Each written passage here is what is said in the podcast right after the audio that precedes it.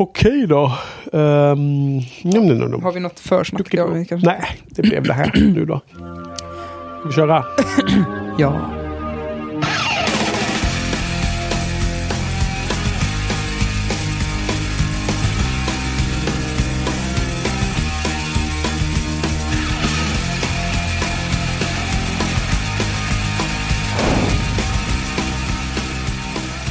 Hej Buffy-kompisar och välkommen till avsnitt 28 av Buffy-podden. 28. Vi överlevde 27. Ja. Vi kom inte med i Club 27 Nej, men det gör inget. Vi kan podda lite till. Är det det Eh, ultimata beviset på att vi inte är genier eller? kanske kör 27 säsonger av någonting istället. Ja, dör på den 27 säsongen. Ja. Vem vet? Ja. I dagens avsnitt i alla fall ska vi prata om de fyra avsnitten Into the Woods, Triangle. Nej, jo, Först är det Listening to, Listening to Fear, är nummer nio. förlåt. Och sen Into the Woods. Ja. Och sedan Triangle. Och sist Checkpoint. Checkpoint. Dåligt namn. Checkpoint. Ja, Oexakt. Man glömmer av det hela tiden. ja, för jag hade skrivit upp namnet på alla här, utom Checkpoint, för att jag kommer inte ihåg vad det Nej. Avsnittet hette när jag hade kollat klart på avsnittet. Ja. Mm. Har du Johan, det var ett eh, majestätiskt stort avsnitt förra veckan. Ja, Och du åkte på att klippa det också. Ja, och jag är inte lika effektiv som du är på att klippa.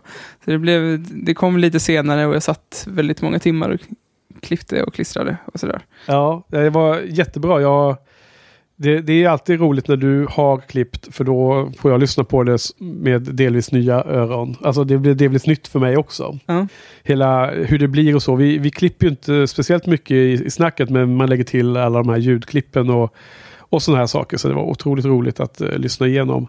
Eh, för den här gången har vi inte speciellt, vi har inte hunnit få in speciellt många kommentarer på Nej. inboxen på hemsidan. Nej, det känns som att det är ett, ett projekt att ta sig an det där förra avsnittet. Ja, det, det, det är ett stort as. det är Tre timmar stort as är det att ta sig igenom. Men ja, jag tycker mycket roligt. Det enda vi har fått som eh, både du och jag har ju varit inne och skrivit lite och kommenterat. Eh, men, men Patrik, våran gäst förra veckan, har ju skrivit en, en litet kort inlägg bara. Tackat för, för senast ungefär. Så mm, det var ju säsongens första gäst. Vad tyckte Ja. du? Hur var det att podda med, med Patrik då? Som du har hört eh, pratas om tidigare men aldrig träffat va? Ja, jag, jag tycker alltid det är läskigt höra talas om jag, vet, jag har nog dålig erfarenhet av nördar för att jag tänker alltid att de ska vara farliga och läskiga. Och liksom. Ja. Jag kommer ihåg när jag var ung, bodde i Malmö och det låter som jag är jättegammal, men eh, när jag var yngre bodde i Malmö och hängde på Fantasy och var intresserad av Warhammer. Ja. Och jag var inte så intresserad av att spela, jag var mest intresserad av att måla de där gubbarna. Okej. Och Ja, de här figurerna som man... Ja. Eh, är det tenn? Metall? Ja, precis. Det finns lite olika, Olika. varianter. Ja. Plast och tenn och sådär. Ja. Men eh, då blir man alltid uppläxad liksom, i, när man kom in där på Fantasy City och skulle prata om eh, de här Warhammer-gubbarna. Så, och vad man än tog sig an där på Fantasy City så var det ju alltid någon som eh, skulle besserwissra liksom. Men Det eh, låter som ganska dryga nördar. ja, verkligen. Det var inga roliga nördar. Men eh, alltså hela den här Buffy-podden har ju bara varit härliga nördar. Och jag har alltid varit nervös innan det har kommit en gäst. Så bara, och, för att de har så bestämda åsikter om saker och ting. Och, pa- Ja. och Patrik har man ju bara liksom hört talas om att han eh, Ja, de här Sträng- spoilergrejerna. Ja, sträng gubbe. Han är ju världens skönaste och eh, man blir ju skitkär i honom. Du hade ju även 50-årskalas dagen efter. Mm. Och eh, min flickvän blev ju också väldigt kär i Patrik. Så, så han är ju väldigt lätt att tycka om den killen. Och det var väldigt roligt Ja. att spela in. Det var därför det blev så jävla långt också. För att det är så härligt att prata med honom. Ja, han, var, han hade jättemycket saker att- lägga till hela tiden. Ja, Så fort vi försökte gå vidare så hade, var det mer eh, notes. Ja. mm. ja, just det. Och sen var det kalaset där på lördagen och det var ju himla skönt att slippa ha det här hängande över sig att klippa. Så jag är evigt tacksam att du tog dig an detta. och eh, det var ett stort jobb och det till och med försköt publiceringsdagen en dag där. Men det, var, det var, hade sina förklaringar. Det, ehm, Och dagens avsnitt också är väl kanske korsklipp. Alltså imorgon för oss nu så är det ju Slayer Club. Ja, precis. På tal om, om nördar och, Ja. och då inte besserwissers Och inte stränga, utan... Jag är nervös dock. Jag är, alltså, Ja. jag, är, jag är inte helt övertygad om att det är snälla nördar Ja. på Slay Club. Nej, men det, jag och Joel när vi var, var där i mars månad alltså var så otroligt positivt och glada över speciellt hur många trevliga människor man träffade på den kvällen. Mm. Så jag hoppas ju verkligen att det blir samma sak igen nu. Så det är ju eh, nörderi i eh, stora mått imorgon. Slayer Club eh, imorgon fredag. Så det ska vi gå på. Mm. Nu ska du vara med. Ja, äntligen. Ja. Men du har ju också träffat flera av dem som vi fiskar upp därifrån. Eh, som varit gäster under säsong Ja, fyra. de har ju varit awesome, så att Ja. åtminstone de, de är ju snälla. Mm, ja, precis. Får hoppas att vi träffar några av dem. Jag hoppas ju att alla dyker upp igen och att eh, ha sina underbara utklädningar hit och dit och så. Mm. Eh, ska du klä ut dig någonting imorgon då? Ja. det, det, jag tror att man kan se det på avsnittsbilden hur, hur vi ser ut på Slay Club. ja, För vi förhoppningsvis. ska nog klippa in lite bilder, kanske bilder från festen också i själva bloggposten. som man Ja, absolut. Uh, uh, Slayer Club-festen, absolut. Ja. Ja, nej, jag kommer ju vara ganska... Ja, jag är dålig utklädning, men det blir ju Firefly-tema igen. Liksom. Jag bara kör Ja. på simpelt. Jag, jag vill låta åt dig att, att eh, köra all in med vampyrtema och annat. Det ska bli spännande att se vad det är. Ja, men eh, det var förra veckan och eh, det avsnittet och nu då eh, åter i vanlig ordning med du och jag bara. Mm. Ja, det är inte så bara det, men, men utan gäst den här gången. Mm. Så... Ja, just det, du sa att vi kanske... Vi kommer väl... Hur ska vi göra nu egentligen? Vi är inte helt hundra på hur mycket vi kommer spela in i Slayer Club-festen.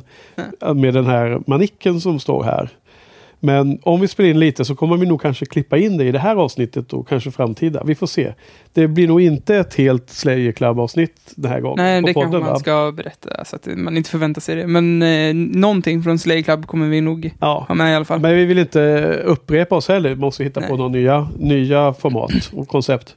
Men eh, åtminstone en bild i alla fall. Ja, bilder och eh, Joel ska ha förfest imorgon också. Mm. Så att eh, de som nu hör detta hoppa tillbaka i tiden, uppfinn en tidsmaskin och åk tillbaka till fredagen så kan ni också gå på Joels förfest. Eller åk framåt i tiden till Joels nästa förfest. Ja, precis. För den var awesome antagligen. Eh, Ja, exakt. Det, det, var, det, kommer du ihåg det eh, förr i tiden när man partajade? Det var alltid förfesterna som var det roligaste. Ja. Så man gick ut på lokalen eller på diskoteket eller vad man än gick på, på utestället, liksom där på stan eller till den privata festen så blev det alltid lite tråkigare. Kommer du det? Ja.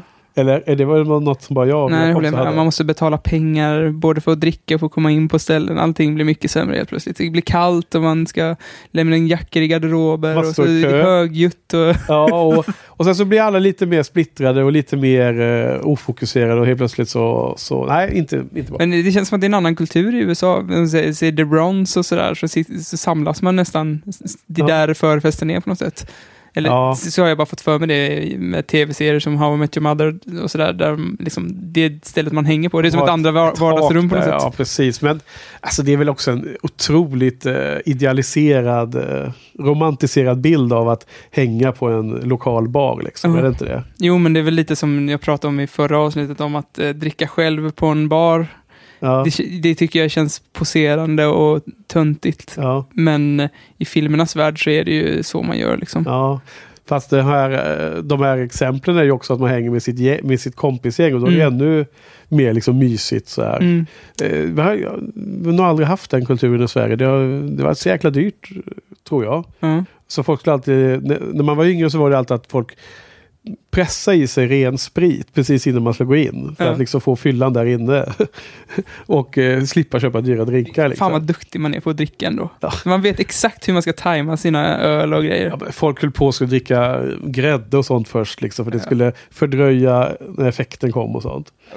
Svennar är Super, fan, superjobbigt. perf- de är fan duktiga på att dricka alltså. Svennar. Ja. Men du, eh, Slayer Club imorgon, det ska bli jättekul. Vi kommer eh, pynta lite här och där i de olika avsnitten. Vi får se hur det blir. Vi har inte bestämt ännu.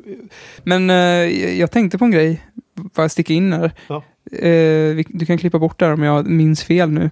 Men Patrik sa någon gång i förra avsnittet någonting om pianolektioner som jag upptäckte när jag klippte och sen Jaha. så tog han aldrig upp det igen. Var det inte så?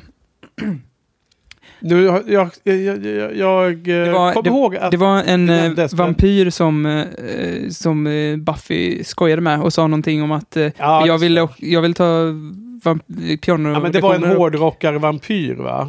Var han inte som var biker? Eller bike, ja. Det var någon som hon... Eh, I första och tredje avsnittet så var hon ju så här nonchalant när hon fightades i första scenerna. Det var det Patrik spa- spanade på. Ja. Och jag tror att det var någon av de två som hon hade... Hennes skämtsamma jargong med sin motståndare var någonting om att han var dålig på mus- musik. Var det, var det kanske den Michael Jackson Nope. thriller? Nej. det var han biker Jaha, i gränden som, och då sa hon eh, jag ville ta pianolektioner när jag var ung och någonting med att nu, och nu har vi massa ilska inom oss. Jag kommer inte ihåg exakt, Ja. men det var någonting i den sidan. Och sen så sa Patrik, det där kommer tillbaks. Och eh, Ah, det kommer jag komma ihåg. Så. det. Han måste ha glömt det och då tycker jag att han kan kommentera nu så att vi vet. Det där han, Jag är nyfiken. Han ville återkoppla till det i avsnitt tre va? Ja, Men det var inte det att han, var det inte det här att han eh, helt enkelt ville göra spaning om att, att hon var så ofokuserad? det kanske det var. Det kanske inte Att hade det med var den- pianolektionen Den, göra. nej, att det var den callbacken till den scenen Mm. i första avsnittet som han menade. Han Så skulle återkomma till. För den drog han ju noggrant Ja, igenom. det gjorde han faktiskt. Ja. Annars får han gärna kommentera någonting. Ja, Mm. Får jag sticka in en sak till? ja. Vi kommer aldrig komma igång med avsnitten. nej, nej. Men jag kollade ju på eh, Angel och eh, såg precis avsnittet The Trial. Och jag har hört dig prata om eh, killen eh, Tim Minear Ja. som eh, har skrivit, kanske jag vet inte om han regisserade det avsnittet, men han har skrivit det avsnittet. Och jag har hört dig prata om honom, vad han Ja. är för sorts liksom, person. Och Ja, det Nu kändes... måste du säga att det är jättebra det avsnittet. Eh, det var helt okej tycker jag. Aha, okej. men, eh, men det kändes verkligen som att du hade spot on vad han, de här moraliska dilemmorna och sånt Ja, där. Att det, det är hans kopp te liksom. Och det var verkligen det som... Alltså jag kommer inte ihåg The Trial eh, heller. Jag eh, följer inte säsong två av Angel nu parallellt eh, som du gör. Men Tim, Tim Minear eh, är ju showrunner tillsammans med Joss för Firefly. Det är därför som jag är Mm. hypad över honom. Precis som Joss kör med David Greenwald tror jag det är, Angel och så som han kör med de andra här i Buffy. Så han har ju alltid någon sån här co-showrunner. Ja. Jag antar att han, eftersom alla tre serierna gick ju parallellt ett tag till och med. Det halva året som Firefly gick så gick ju också Buffy och Angel samtidigt. Så han hoppar väl som en vettvilling mellan, mellan serierna. Så att den andra showrunnen höll väl ställningarna då när han var... Okej, men du, eh, kul. Och på tal om eh, rätt, rättelser och sånt från förra veckans eh, långa snack. Och, så måste jag ge dig cred för att den där spaningen du hade om eh, William the Bloody. Eh, du, du klippte in där och jag... Ja, Det var lite taskigt att bara hej, Ja. hänga Du men du har gjort samma sak mot mig faktiskt. ja, ja, men det är, det är inte alls att det, är- det, är, det är exakt förväntat att vi måste kommentera vid en sån diskussion. Och det är så himla svårt att komma ihåg allting så jag tycker inte ens att man blir speciellt eh, det är inte så att jag, ja, jag tycker det är speciellt skämmigt alls att man inte kommer ihåg varenda Nej. liten detalj. Nej, det tycker inte jag heller. Så att jag tyckte det bara var kul eh, för det första. Men jag har också gått in och kollat där i, i, i transcript som jag nämnde förra veckan. Det är ju enkelt att kolla upp där. Och ha, det beskrivs ju inte vad William the Bloody står för som då är hans dåliga po- poetry. His bloody awful poetry. Så det är ju uppenbart att du hade, eh, det var, du hade helt rätt där. Att jag måste ha kommit ihåg den här informationen från tidigare och kopplat det till, Ja. till säsong fyra. Mm, precis. För det är därför jag hade med det på, på Buffy-quizet där då, på, på minglet. Men, eh, så det var egentligen fel då. Du, var inte för, du hade lite otur där. Du, du kunde inte förväntas veta det eftersom du inte hade sett säsong fem ännu. Nej, men det, jag förväntade mig inte ett quiz som var 100% kompatibelt med mig eller? Nej, Även, nej om du hade, var, även om du hade siktat på det så hade jag inte förväntat mig det. liksom ambitionen var att det skulle vara 1-4 för det var så långt vi hade kommit. Ju. Mm. Ehm, och så. Men, ehm, men det skrev jag faktiskt in eh, som kommentar. Har du sett det eller? På hemsidan. Så skrev Mm. jag in den här, detta, denna bekännelse för jag tänkte det skulle dokumenteras noggrant. Men, men du, den gången du gjorde samma sak mot mig så fanns det en fortsättning på, på kommentaren som bevisar att jag hade rätt ändå också. Jag kommer inte ihåg. Det var någonting med The Mayor, att han sa Ja, eh, någonting om eh, att han hotade Gilesen och sånt där. okej. Ja, jag kommer inte ihåg. detta. Jag kommer inte ihåg. Nej, men det är väl en, de- en del av... eh, Så jag vill bara säga att jag hade rätt. ja, jag förstår det. det. Det är bra. En del av nörderiet att liksom också eh, hänga upp sig lite Det på kanske är så att detaljer. jag har blivit den farliga, otrevliga nörden nu. Ja, exakt. Det ska vara lite eh, mästrande och dryg så. Ja. Ja. På tal om eh, eh, något helt annat så checkade jag lunch med Johan idag, Jörgen Nito. Mm. Han har ju börjat kolla på Buffy. Oj! Han, Nice. han, eh, han eh, är fyra avsnitt in i första säsongen. Jäklar, det är ju ascoolt ju.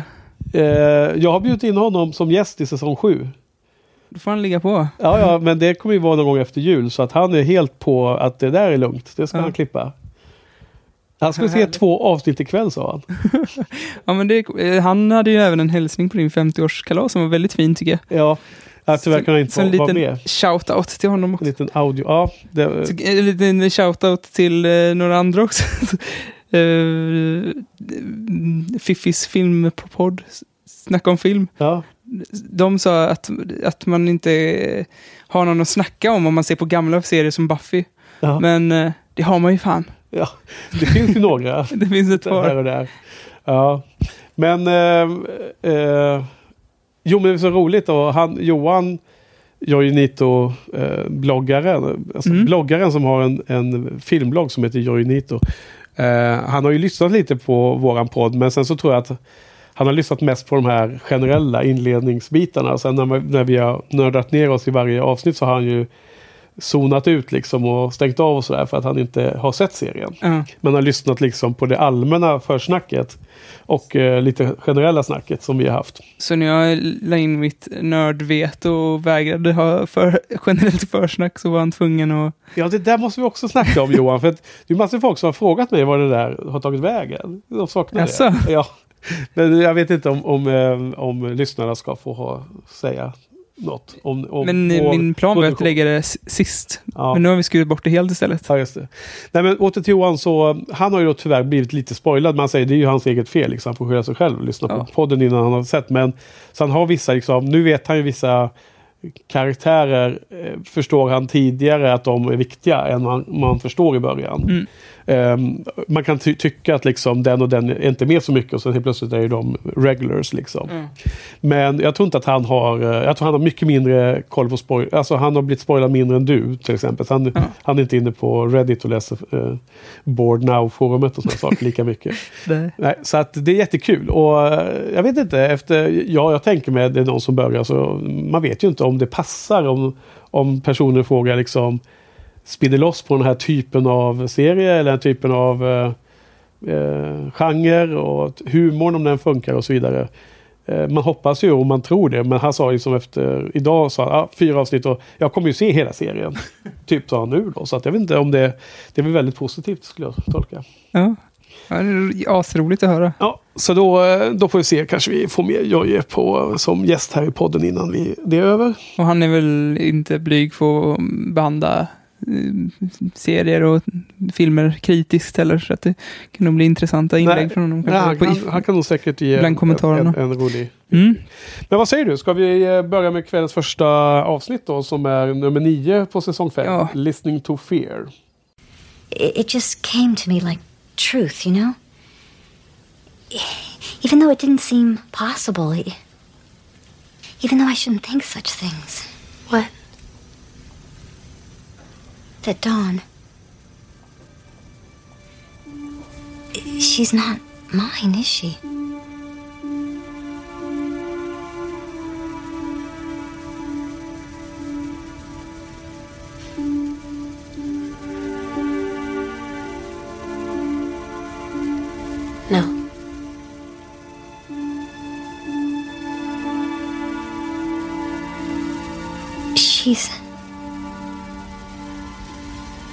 Does belong to us, though. Yes, she does. And she's important. To the world, precious. As precious as you are to me.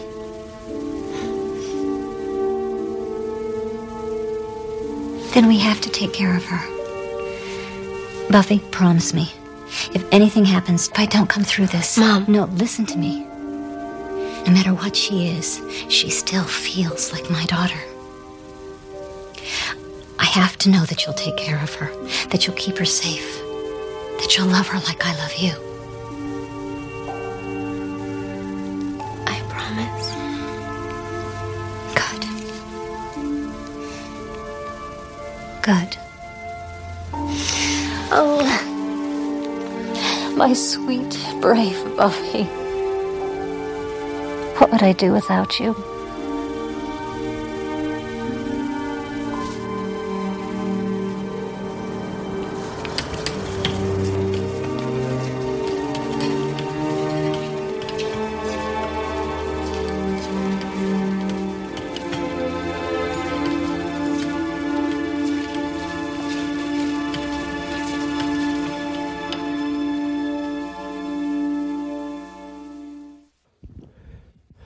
Okej, då ska vi ta kvällens första avsnitt som är nummer 9, säsong 5 och heter Listening to Fear. Och eh, ja, eh, vad kan vi säga om det här då, avsnittet? Det är ju under säsongen så har vi ju sett eh, flera sådana här galna personer. Det var det Patrik också kommenterade förra veckan. Och det, nu har vi lärt oss att det är Glory som, som gör dem galna genom att sätta sina fingrar i pannan på dem eller vad hon gör. Mm. Och sen så blir de helt wacko. Och i det här avsnittet så kommer det ner eh, och det visar sig senare att det blir alltså en demon som blir summoned. Som kommer ner en meteorit, en queller. Vars, eh, eh, det blir som en jakt. Den demonen jagar galna människor. Vet du vad queller betyder? Alltså engelska ordet betyder väl släcka va? Någonting. Okej. Vad eh, tänkte du på då? Nej, jag bara undrade för Ja, nu tog jag bara rakt i huvudet. det kändes som ett, ett ord som fanns. Ja, kanske. Här, skål då. Eh, skål. Mm. Ja, jag vet inte jag. Men eh, så då har någon eh, sett till att den här demonen kommer för att ta ihjäl de här eh, galningarna. Och det framkommer ju också att det är någonting som har hänt genom eh, historien. Willow och Mr. Giles eh, söker i, i, i gamla källor och eh, märker att det här händer ofta efter utbrott av mycket galna personer så försvinner det. Det blir många lik liksom, så försvinner de då. Så att det verkar som ett återupprepat mönster. Så det är det som är lite avsnittets eh, eh, Monster of the Week setup, Ja, om man säger så. eh, jag googlade lite snabbt. Quell betyder kväva eller kväsa Mm. Och dämpa. Men det var lite åt det hållet som jag Mm. var inne på där. Mm. Med min eh, Antar att man- känsla. Man kan quella någonting genom att lägga en filt över en eld kanske. Ja, precis. Och eh, i det här fallet så ska man då kväva, dämpa Sinnessjuka med slem. Ja, just det. Utbrottet av sinnessjuka. Så han, han quell, quell the, the insanity, eh, så att säga, spreading. Det Ja, okej, okej. Ja, jag tänkte mer att han eh, la eh, en, eh, en matta av slem över ansiktet på de sinnessjuka. Ja, han hade någon proteinbaserad eh, vätska där som han dränkte dem i. Men som, som stelna också, det blev lite så här onajs. Ja. Eh, För Joyce hon fick ju slita av sig det. Precis. ansiktet. Och det var ju någon som eh, helt dött och där verkade ha krupit in i munnen och Ja, blivit det. jättesvart och äckligt. äckligt, ja. Nej, men jag tror att, jag tror att Quellens namn kommer i att eh, man förstår ju det som att det är ju Glory som har gjort de här människorna galna. Och för att hon inte ska bli avslöjad att hon håller på och härjar så har ju Minions som eh, eh, Summon. Vad heter Summon på svenska? Alltså, Försumma. Nej. nej, Summon är... Fram- frammana. Framkalla, ja. Eller frammana. Kalla hit. Det är det där. Eh, den här demonen för att dölja spåren av Glory. Mm. Och det är det han ska kväva eller, eller kväsa eller vad det nu heter. Så att själva demonen är uppkallad efter eh, det den gör för Glorys offer. Ja, ja, för, för Glorys Mot- skull, ja. Ah, okej, ja. För att, hon vill, eh, för att eh, hennes minions vill inte att hon ska bli avslöjad av mä- människorna så att de ska jaga henne. Eller vad det nu är. Men eh, sen är det ju som vanligt då att eh, Joss och de har hittat på ett eh, demonnamn som man kan härleda lite till vad den egentligen betyder i vissa fall. Då. Precis.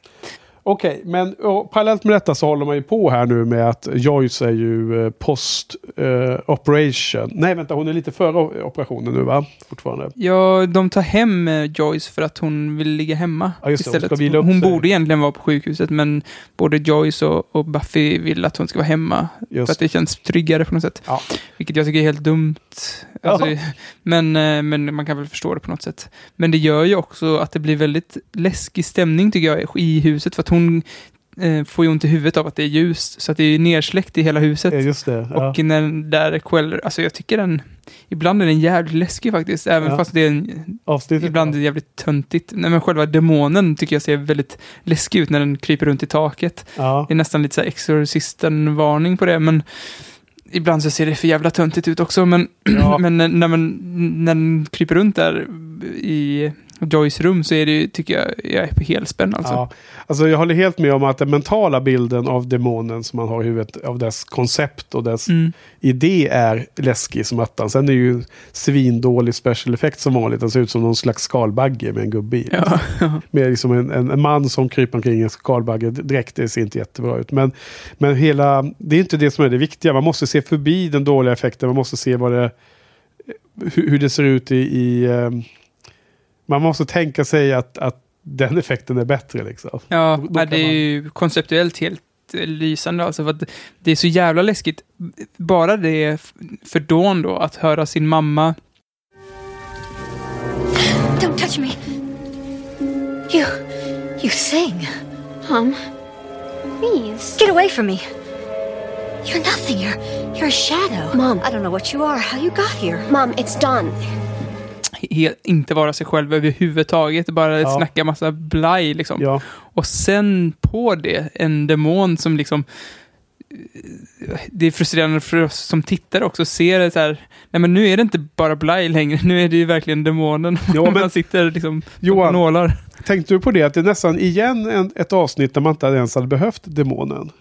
Ja. Därför att det, det hemska i det här avsnittet är ju mer att det här är ju före operationen, jag sa ju helt fel alldeles nyss. Det här är ju när fortfarande skuggan eh, trycker på hennes hjärna och allt det här. De har Mm. inte öppnat eh, och, och opererat bort eh, tumören ännu. Så att, så att hon får ju de här personlighetssvängningarna som du är inne på. Och det är det som är så hemskt. Det är Ja, så verkligen. otroligt skrämmande. Det är hela den här, och det är ju också helt du vet, ålderdomssjuka som finns när folk får Alzheimer etc. Och Mm. liksom bli- tappar personligheten Ja. först. Nej, det var det hemsk, bland det hemskaste jag varit med om i mitt liv faktiskt, om jag får återkoppla till mitt egna liv, det var när min, min farmor började tappa det liksom. Ja, Och hon tittar på, hon tittar på mig som, jag tyckte hon såg ut som en liksom, kyckling, helt tom i blicken. ja, Och så frågade hon så här, vem är du? ja. Och jag bara, ja, det kändes jättejobbigt för jag, så här, hon väl passat oss väldigt mycket så att det var väldigt tajt med henne. Ja. Och bara, Alltså- undrar vem man är. Och det är exakt det här som jag tycker känns så eh, otroligt starkt i det här avsnittet. Ja. Som är bra i det här avsnittet. Och du nämnde där när hon hör sin mamma då. Och sen är det lustigt, det är väl också i det här avsnittet när, när Joyce, precis som många andra, undrar vem Dawn är och säger att hon inte är någon riktig och sådana saker. Mm. Och det är ju så lustigt för det är många av de här galna som bara ser, ser igenom den här transformationen av nyckeln till en mänskligt form. Vad det har varit då. Mm. Ja. Nu, nu såg du osäker ut. Jag nu? Nej men det vet man ju nu. Man vet Ja. ju att Dawn är nyckeln nu. Ja. Eller hur? Det var ju förra gången vi Ja. reda på det. Nej, det är bara jag som är tom i huvudet. Ja, ja okej. Men du, ehm, eh, just det. Så att jag tycker att det, det här är ett ganska tungt avsnitt. Alltså det är tungt eh, på det sättet att det är ganska eh, allvarliga teman som de leker Ja. med.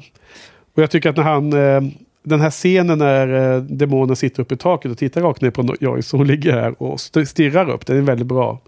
Gillar du den? Ja, ja det, Alltså först, du fattar direkt att demonen var där inne eller? det kommer jag inte ihåg Nej. när jag, när jag fattade. För att man hör ju först henne prata i rummet. Och, och Buffy skri- går ju ner i, kö i köket och håller på och, och diskar och sådär. Hon är, Det är också helt sjukt. Vadå då? När hon står och diskar och det går på någon Ja. asmärklig låt. Ja, Som är radion. helt hysterisk alltså. Ja, nu är radion.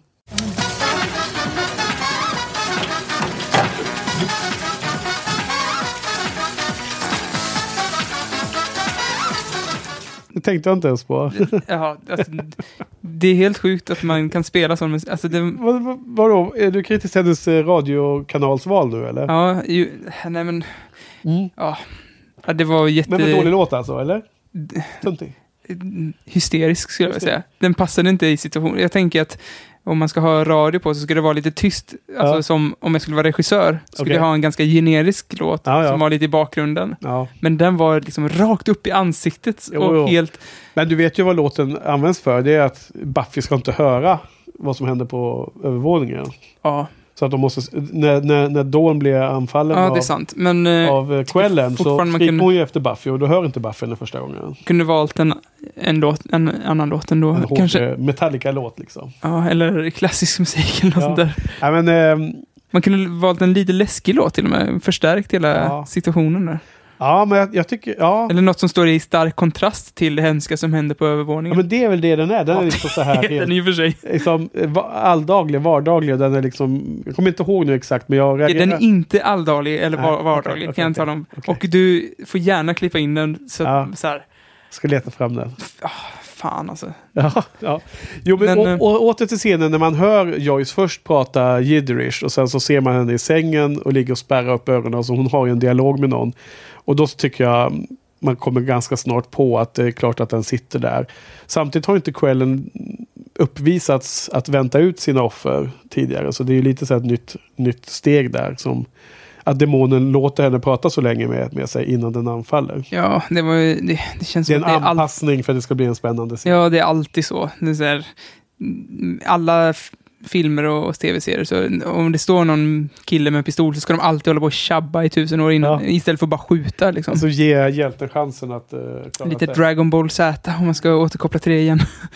Ja, men du. Eh, eh, vi kanske återkommer till eh, övergripande tema, men jag har lite mer notes och sånt också. Ska vi, får, får man köra sådana saker här ikväll, eller? Notes? Ja, Nej, från avsnittet. det är klart man får. Ja, så eh, kommer du ihåg att du och jag prat, pratade om att Mr. Giles inte var med så mycket och fightades längre och att vi kommenterar att han inte blir knockad så ofta längre bara för att han Mm. inte är med och fightas. Och då är det så lustigt att showen besvarar ju den frågan som vi kastade ut i, i etern förra Ja. veckan. Att nu är han ju med och fightas i det första fighten man får se då. Det är de här när, när eh, Mr. Giles och Willow och Sander fightas och de saknar eh, Riley. De börjar ruttna på att Riley inte dök upp trots att han lovar det och sådär. Mm. Att de börjar märka att Ri- Riley blir liksom mer och mer eh, off the hinges. Liksom. Han, han håller ju på att balla ur här. Så Ja. vet, får vi ju se nästa avsnitt tror jag det är va? Inte Ja, men men det är också rätt roligt när Buffy väl tar, tar koll på demonen så får hon ju hjälp av Spike av någon anledning. Ja, ja. Som, och sen Han, ju, är, han är där och snor bilder av henne, foton av henne. Han Ja. säger att han snor något i källan som han ska sälja. Men så, vad är det? Har du foton av mig i handen? Och han bara, ner med handen i rockfickan. Ja, var han mer? Han tänkte sno någon tröja någon gång. I, Ja, ett par trosor var ja, han tänkte sno tr- tröjan, men, men blev Riley sa åt honom att lä- lägga tillbaka den. Då ryckte han av sig ett par trosor Ja, det, var så det var ja. ja precis. Nej, men han var ju där, så han, han får ju in ytterligare en eh, tasksmäll på Riley där när han Ja. säger att eh, jag var här liksom. Och, Det är så konstigt att man gillar Spike så mycket när han, bet- alltså han är ju helt psycho egentligen. Står i skuggorna och glor och snor trosor och liksom har byggt upp någon slags docka av Buffy i sin eh, dungeon där som han står och pra- Ja. pratar med. Ja, han är, alltså, jag, jag har skrivit den kommentaren på ett senare avsnitt här Ja. ikväll. Men alltså jag, jag, jag, jag gillar Spike och allt det där. Eh, han är inte top of the line favoriter för mig, men han är helt klart på över halvan. Men alltså, det är ju lite så här lustigt hur, hur det här svänger från att han är en, en eh, vampyr helt utan eh, mänsklig själ till att bli liksom förtjust i Buffy. Och få den här empatin som han får för henne. Så det är ju någonting speciellt med honom. Ja. Alltså lustigt, är- när jag säger att det är lite lustigt så menar jag att det är lite konstigt. Mm. Det är lite svårt, svårt att förstå i alla lägen. Ja, men det, det har ju egentligen varit från första början lite en, inte en helt vanlig vampyr liksom. För att han, ja det där med den där smurfdemonen som sa att han stank människa. Och Ja, han, den här blåa demonen, jag kommer inte ihåg vad den hette, eh, den stora jäveln som de... Var det han som de hade i olika lådor? Som, hade Mm. blivit, som inte kunde förlora mot en Han som hel blev- här människor eller vad det var. nej, men en bazooka. Döda med en bazooka, ja precis. det var den ja. Okej, men du, eh, en annan sak då. Redan förra gången så pratade du om att du inte gillar Ben och han är ju med här nu igen då. Mm. Men eh, vad tycker du om Ben nu då, när du vet lite mer om honom? Jag tycker han är ganska okarismatisk. Eh, Ja.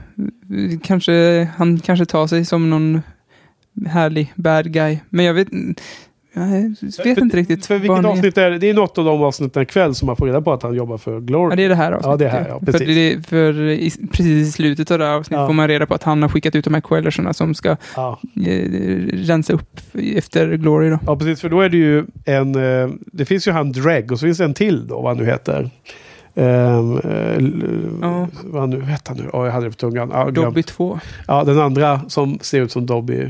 Eller, eller är beter sig Dobby. som Dobby. Ja, jag förstod aldrig riktigt hur du gjorde den kopplingen. Men oavsett då så är det ju en till där som är där och pratar med, med Ben. Så där bör man ju förstå att det är något annat med Ben än att han bara är en eh, cool dude. Men du gillade inte honom från första början. Han var lite för präktig och lite för... Ja, På hela precis, tiden, eller? Precis. Ja. Okej. Mm. Ja, men det var en kul spaning. Sen då så eh, lite små, små saker här då. Eh, man ser någonstans i avsnittet att Willow och Tara ligger uppe på taket och, eh, och tittar upp på himlen och pratar om eh, stjärnkonstellationer. Mm. Det var ju en så himla härlig scen alltså.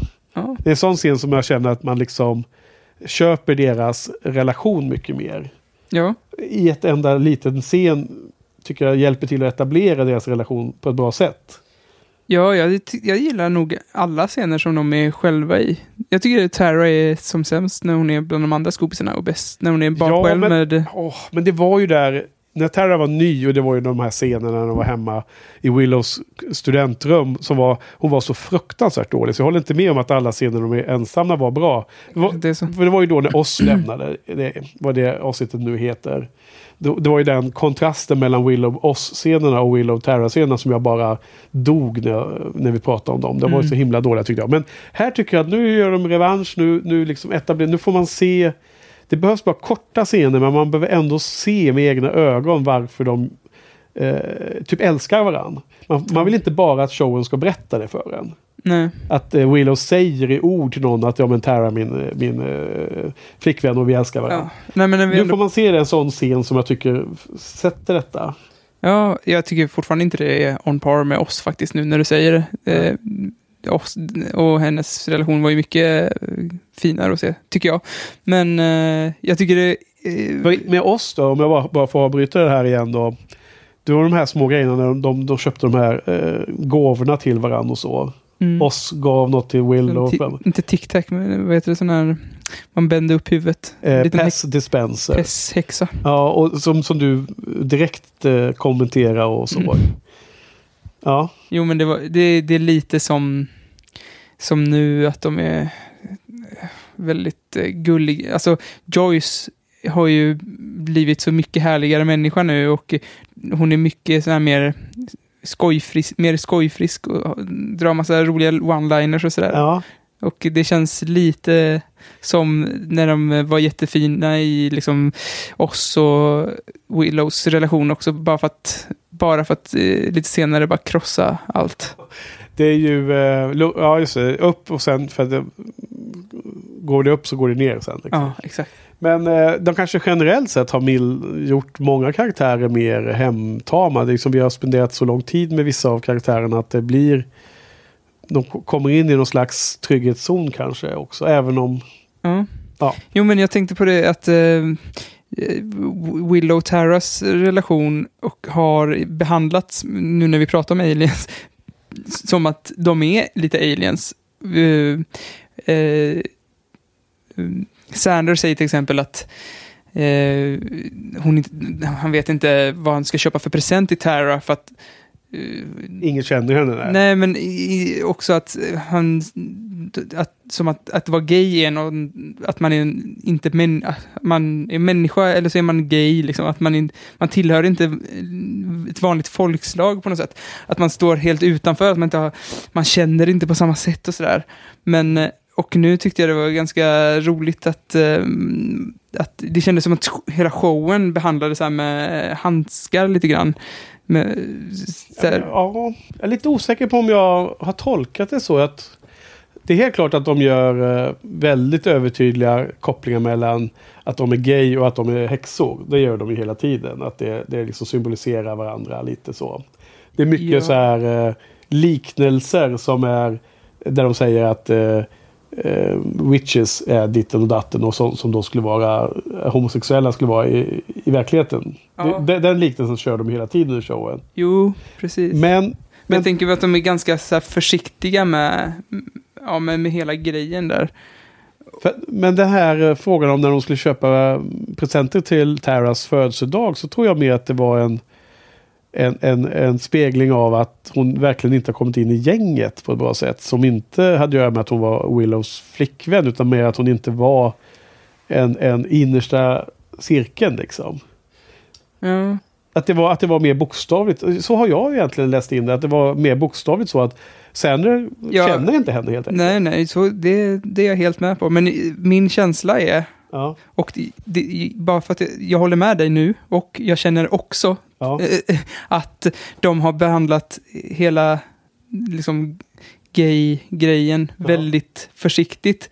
Och lite för försiktigt istället för liksom bara ta det och springa med det. Liksom. ja, just det. och, och, Jo, men det och håller jag också med om. nu, i, jag kommer inte ihåg vilket avsnitt det var, Mm. men nu tycker jag att de har eh, lyckats gå vidare lite grann och sen och eh, Willow till och med skojar lite om det och eh, drar liksom gay-kortet. Ja, Så här, jag, jag tror att det är väl Triangle tror jag, när Triangle när eh, eh, ex-demonen ja. eh, Anja eh, är orolig för att hon ska sno tillbaks, eller inte orolig men de pratar om att eh, Willow ja, ja. sabbade en relation där. Anja tänker att eh, Sander och Willow har varit kompisar så länge. Ja, Willow. Ja, hon har gjort det förut. Hon har ju sabbat relationer för Sander förut. Och, eh, Ja, men, nu, säger, men nu är jag gay. så nu, nu går det inte längre. Liksom. Och sen då i eh, sista avsnittet, eh, Checkpoint, när de blir intervjuade av eh, The Council där, så är det Willow och Tara liksom. Då ska de eh, bevisa att de inte har någonting att dölja. För de har ju massa saker att dölja. Mm. Och, och då ska de bevisa att ja, men vi är ihop. Vi är lovers. Vi, vi är gay couple och så. här. Och Ja. så säger de andra att det var inte den relationen vi frågade om. Det var relationen till Slayern vi frågade om. Nej. Så, så att de gör massor med skämt på det nu. Men jag håller med, de har nog... De kanske hela det här konceptet, alltså för första så jag tror att det, det var ju också lite länge sedan. Alltså, det var eh, nog eh, inte helt vanligt att det var den typen av relationer på tv då. Nej. Och eh, jag tror att kanske Joss var lite rädd för att Fox, eller vilka det var som var, Ja, det- stod bakom. Nej, jag som hade, Warner Brothers fortfarande de är på. Ja, den som höll i pengarna i alla fall Ja. skulle... Han var rädd att... Han ville inte göra dem upprörda och att de liksom skulle Ja. ta tillbaka sina pengar. Nej, där, där skulle man behöva någon som kan hela historiken runt de här frågorna bättre och, och pitcha in. Men jag tror att det, det är modigt av serien att ha med det, det här, eh, ett, ett gay couple så pass eh, som stora roller. Men sen kanske de då inte har riktigt vågat utnyttja det ännu. Men jag tror det kommer mer. Liksom. Ja, äh, men hela, hela min poäng var att jag tycker att de har lyckats gå vidare nu Ja. från det här försiktiga till... lite. Ja. Det känns... Ja, Ja, jag tycker också att det var, jag menar, jag vet inte om du, men man har, jag har ju, jag kommer ihåg på, sommaren, på somrarna när, man, eh, när det var fint väder och man kunde sova utomhus och titta upp i himlen. Just den där scenen, den är ju så otroligt eh, känslosam eftersom många känner igen sig i det. Alltså legat och tittat på stjärnorna. Vem har inte gjort det liksom? nej. Jag vet inte, vi hade ju så, vi brukade släppa ut madrasser och täcken och allting för det var, det var för sunkigt att ligga på liggunderlag och, och liksom sovsäck. Så. Mm. Det var, var för obekvämt. Så på, på landet då, med, kom, kom, med, med Sverker du vet. Du har träffat Ja, honom nu. Nej, inte på, på, västkusten? Ja, ja, nere på Tjörn. Nej, i Skövde, där höll man inte på med sådana saker. Det var, ju, det var man på, vinter, på det tråkiga vinterhalvåret. Ja, ja, nej men... Eh, eh, sen då, det, det sista jag har på det här avsnittet är ju den här otroligt bra scenen som är precis i slutet. Mm. Och det verkar vara något som återkommer mer och mer nu eh, i säsong 5. Att det är många tunga bra avslut tycker jag på avsnitten då. Mm.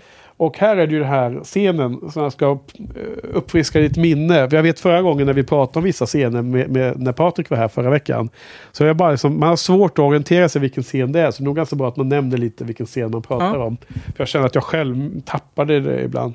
Ja men det är att, att eh, det är ju den här scenen när Joyce frågar ut Buffy om Dawn. Och när Joyce har redan känt på sig Mm. att Dawn inte är hennes riktiga, alltså inte hennes dotter. Och, och Buffy berättar att hon inte är det och att hon är eh, liksom något magiskt. Och den, den scenen är ju eh, otroligt bra. Eh, de spelar ju så jäkla bra och den är så otroligt känslosam tycker jag. Sen så slutar med en omfamning och Joyce är ju på, på, på gränsen till att gråta om hon inte gör det fullt ut. Och så säger hon någonting så här What would I do without you? Säger hon.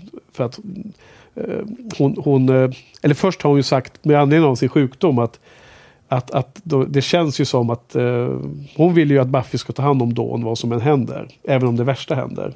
Och, och, då, och Buffy får ju lova detta då. Och sen så säger då, eh, säger då eh, Joyce någonting. What would I do without you? Och sen i den då filmar de ju där. Då får man ju se Buffys ansikte. Hon ser ju helt panikartad ut. Och det är så himla tydligt för mig att det vi ska förstå där är att, att eh, Buffy tänker precis samma fråga fast om sin mamma liksom. Aha. What would I do without you? Och, och, och den, den spelar så himla bra den scenen. Alltså. Ja. Nej, men det, så tänkte inte jag. Och nu, nu lyfter du den scenen för mig. Så det var ju... Ja, du får titta Fint. om på den då när du kommer hem ikväll. Nej, men jag, jag, jag har ju bilden, jag har scenen helt klart framför mig. Men man ser att hennes ögon spärras lite. Alltså spärras upp lite långsamt. Alltså Mm. mer och mer.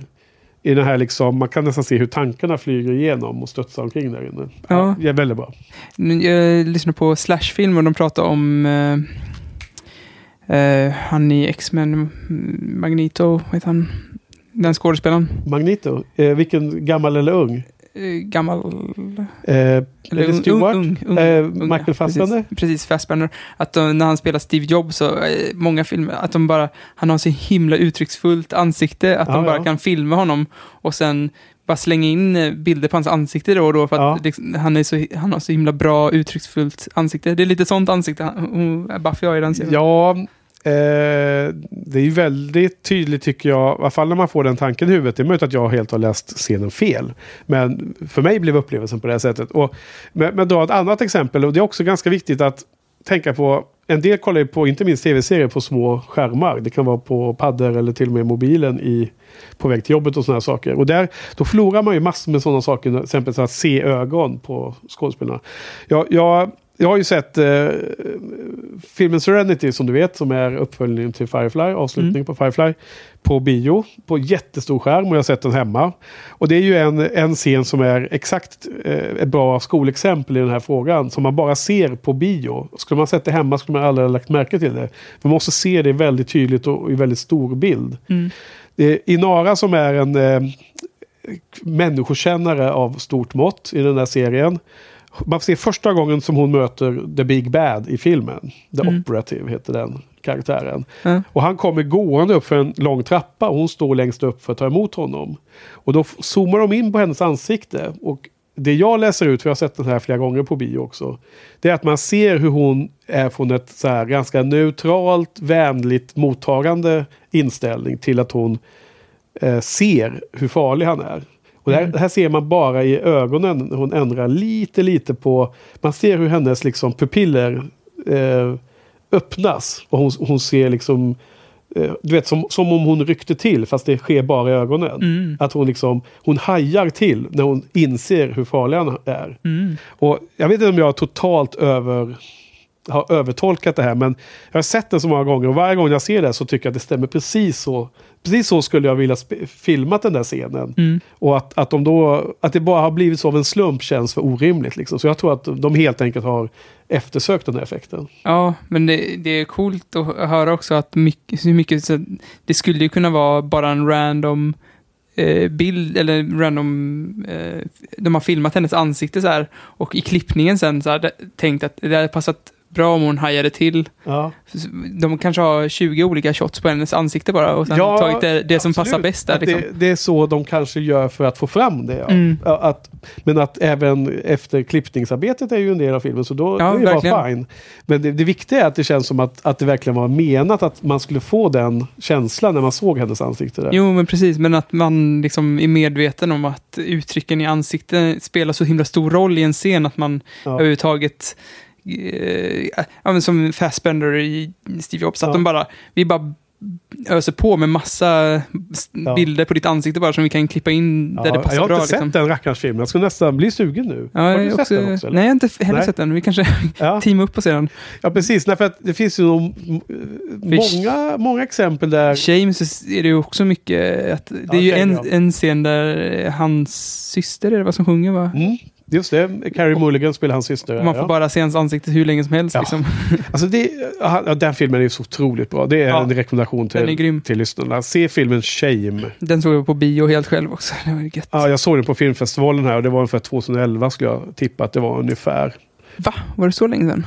Ja, något sånt. Kan det varit något år yngre.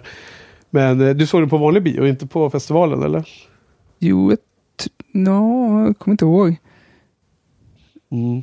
Men jag, tror det finns ganska många filmer som jag inte kommer på just nu, men som just jobbar med att se ett ansikte och se, se reaktion i ansiktet. Och det, Mm. när det görs bra så är det nästan, det finns nästan inget bättre på film, tycker jag. Nej. Det, det, du lyft upp här nu, alltså jag är verkligen jag är svag för de sakerna. Sen, sen Johan måste man ju säga det att det kan ju vara så att den där scenen i Serenity med Inara och The Operative, om man skulle intervjua Joss skulle han kanske bara säga så här, nej, det har ingen som helst betydelse. Hon bara ryckte till. Nej, liksom. men det, det kanske är någon i så- klipprummet som tyckte att det var jättestor betydelse och haft jättemycket tanke bakom. Liksom. Ja, men Det så, ja, precis. Och så, så vill inte jag tänka ändå. Jag vill inte höra regissören säga det då sen. Då vill jag hellre eh, låtsas i mitt huvud att det där gjorde de medvetet. Mm. Ja. Ja, Shame kom 2011. Ja. Fan vad tiden går. Se där. Ja, men det, är så den här den sista scenen höjde hela det här avsnittet till ett helt betyg för mig tyckte jag. För jag tyckte det var en jävla badass eh, scen. Ja, ditt snack om den lyfte den scenen för mig i alla fall. Vad bra. Ska vi gå vidare? Ja, eh, har du något mer att tillägga om avsnittet eller? Nej, jag har skrivit typ att eh, det kändes lite arkivexigt. Inget, Ja, just det, med kvällen. ja, O'Reilly blir avsugen. Har jag skrivit upp den scenen. What? Ja, han fick ju sitt, sitt blod avsuget av en vampyr. Ja, ja. Just, ja, ja, men det var... Men hela den, den scenen var ju också så här. Hon Ja. satt nerböjd över hans arm och i början av scenen såg det verkligen ut som att han Ja, fick eh, inte sin arm Nej. avsugen utan någonting annat. det var, huvudet Så- var placerat i en eh, misstänkt eh, Ja. position. Och sen så vred de om hela tiden. Så det var ju lite, det var verkligen on the nose metafor. Men jag kan säga att hela det här avsnittet är väl lite som att det sätter upp händelser i kommande avsnitt Mm. ganska mycket. Så att jag tycker absolut vi kan gå vidare. Jag, jag, jag, jag har satt ett betyg på sju på den här. Mm, det kan man göra. Ja. Eh, Ja, men det låter som ett bra betyg tycker jag. ja, det var sexa det enar först. sig om. Det var sexa först, men sen var det den här sista scenen. Men ska vi gå vidare? That's all in the past now. Mom's out of the woods. And I'm here with you. That's all that matters. Tionde episoden av säsong 5 heter Into the Woods och eh, jag skrev en liten synopsis som jag läser upp här. Joys operation gick bra. Och Joyce kommer hem och eh, är trött men mer frisk. Eh, tyvärr blir det problem ändå när Spike får för sig att ta med Buffy och visa henne vad Riley gör om nätterna. Det är när han har gått till de här vampyrhookersarna, vad de nu kallar sig. Och han går dit eh, och låter de här vampyrerna dricka hans blod så att han kan känna den ultimata närheten. Den närhet han inte känner med Buffy. Det blir rörigt och tandagnissel och eh, händer eh, flyger upp i förtvivlan och det slutar med att Riley åker med militärerna till Sydamerika. Det var avsnittet. Mm. Ja. Eh, Bye bye Riley. Ja, det, det kändes som, om jag får bara dra generellt vad jag tyckte om det här avsnittet, så var det väldigt splittrad. Det var så här, vissa scener var så otroligt jävla bra, Ja. medan vissa var så fruktansvärt irriterande. Och eh, det, det kändes som att den också aldrig var riktigt, den var rolig liksom, och den Ja. var deppig. Men den var aldrig så här, de hade aldrig någon stund av lycka. Det brukar ju alltid vara i något Buffy-avsnitt, att man har lite lycka, men här var det ju Ja. Ja, den var rolig ibland, men den var ju aldrig, det var aldrig lyckligt liksom. Så, ja. väldigt mörkt avsnitt. Fanns det inte någon form av liten lycka där precis efter operationen hade gått bra och Buffy och Riley Jo, dansade? Och då säger väl hon någonting Mums Out of the Woods. Vilket Mm. är en spegling på Into the Woods. Into the Woods som, som händer sekunden efter när Riley håller på och svinnar sig med hororna.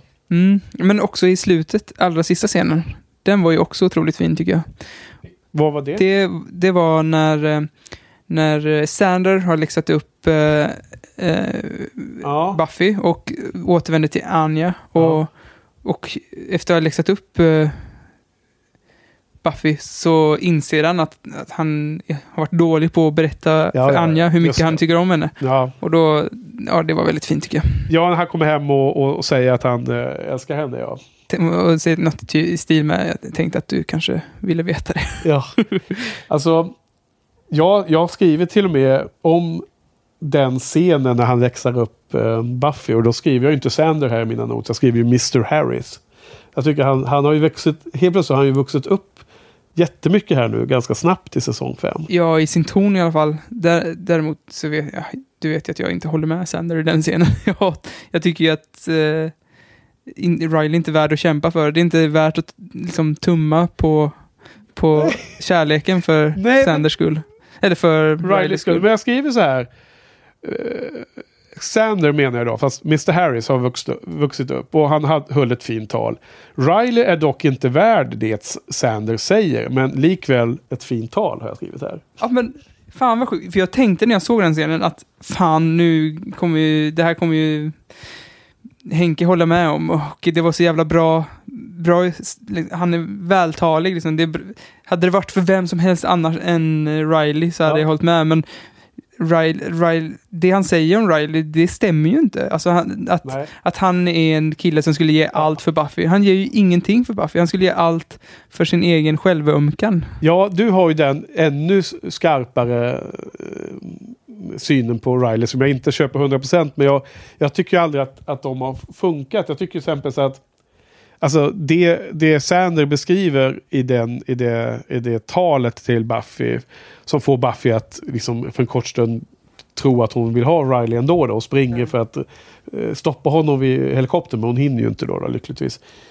Alltså jag köper aldrig det. Jag, jag kan inte känna det. Jag kan inte, jag kan inte känna att det är hemskt när de bråkar och gör slut. Nej. Och jag kan tycka att, att det vad de försöker göra i det här avsnittet är ju att göra Riley super dark. Mm. Han går till de här eh, vampyrerna slash hororna och liksom gör något oförlåtligt i Buffys ögon. Och det borde han ju fatta. Han gör det här svarta. Jag kände ingenting. Det, det här är inget svart avsnitt för Nej, mig. jag har skrivit Alltså- exakt samma sak. Alltså, det hade blivit så himla mycket mörkare om man hade haft känslor för Riley. Om man, om man inte varit irriterande från första början, utan att man hade känt att han var en del av Scoobiesarna. Då hade ju det här varit så himla mycket mörkare. Alltså, liksom. Hade vi haft det här avsnittet och om någon anledning, någon story arc hade lett Mr. Giles in att sitta Ja. där. Ja, Då hade, ju, då hade och Buffy kom och såg detta. Det hade ju varit liksom prata om dammigt i rummet Eller- och ligga på ja. golvet och bara... Eller eh, vad heter hon, eh, hon som eh, Angel dödade? Eller Angelus? Att hon kommer och såg, såg Miss Calendar och Miss Calendar kom och såg ja. Giles i den knarkarkvarten liksom. Ja. Fy fan vad hemskt.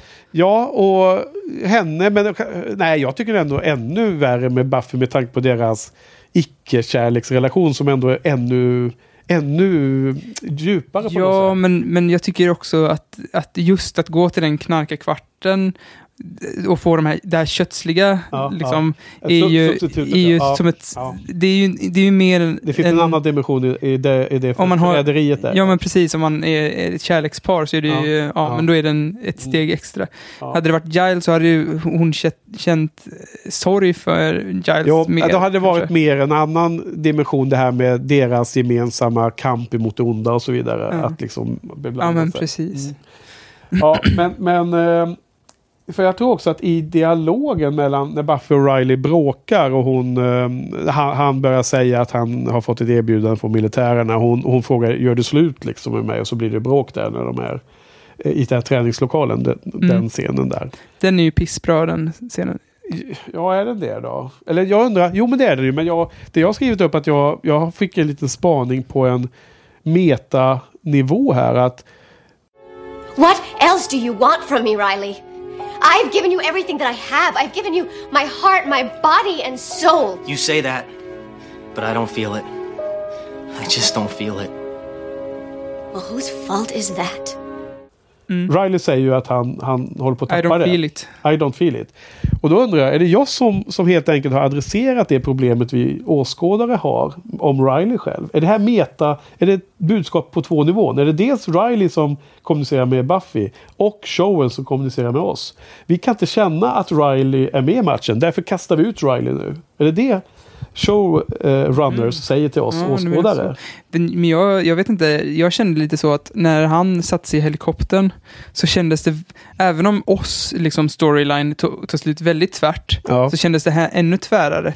Och oss fick ju ändå komma tillbaks och reda ut saker och ting. Så det, jag får en känsla av att Riley kommer komma tillbaks. Bye bye Riley. Det gick för fort där. Ja, jag vet inte, jag kommer inte ihåg. Jag fan har ju glömt allting. Alltså, det är en usel, ja, usel part i den här podden som ska stå för den, den som ser om serien. Ja, det är det vi får gästerna till då. Ja. Ja, vi får fråga Patrik hur det var, hur det, hur det var med det egentligen. Okej, men Into the Woods. Eh, vad mer då? Men jag... Eh, eh, eh, vi pratar mer om Riley, men jag lyssnade på podcasten eh, Dusted och där sa de eh, ju liksom att eh, han behandlar ju de här han till exempel Sandy och, och folk som står liksom lägre i rangen Ja. än eh, Riley be behandlar han som, som skräp. Liksom. Och då sa hon i Dusted att det, det, är så, så är det ett sätt att känna människor på, att se hur de behandlar folk som står lägre i rangen än själv. Ja. Så om, om man dejtar en kille som är otrevlig mot kypan, då vet man att en vacker dag kommer man själv bli behandlad på samma sätt. Liksom. Jaha. Och eh, jag tyckte... Får man inte vara otrevlig mot kyparen alltså? ja, nej, skämt åsido. eh, Det var bara ett skämt hörni, lyssnarna. Vakna nu. Eh, det, hade ju, det hade ju faktiskt varit eh, alltså, intressant om Ri- Riley hade, hade varit en trevligare människa från ruta ett. Liksom, Mm. Att han behandlade... Ja, men du, eh, du tycker ju i alla fall inte att han är värd Buffy, så att du är bara glad att hon blir av med honom, eller? Ja, men också som de sa i podden att det, känd, det, eh, det kändes som att hon sprang ju ändå efter honom i slutet av nej, och Ja.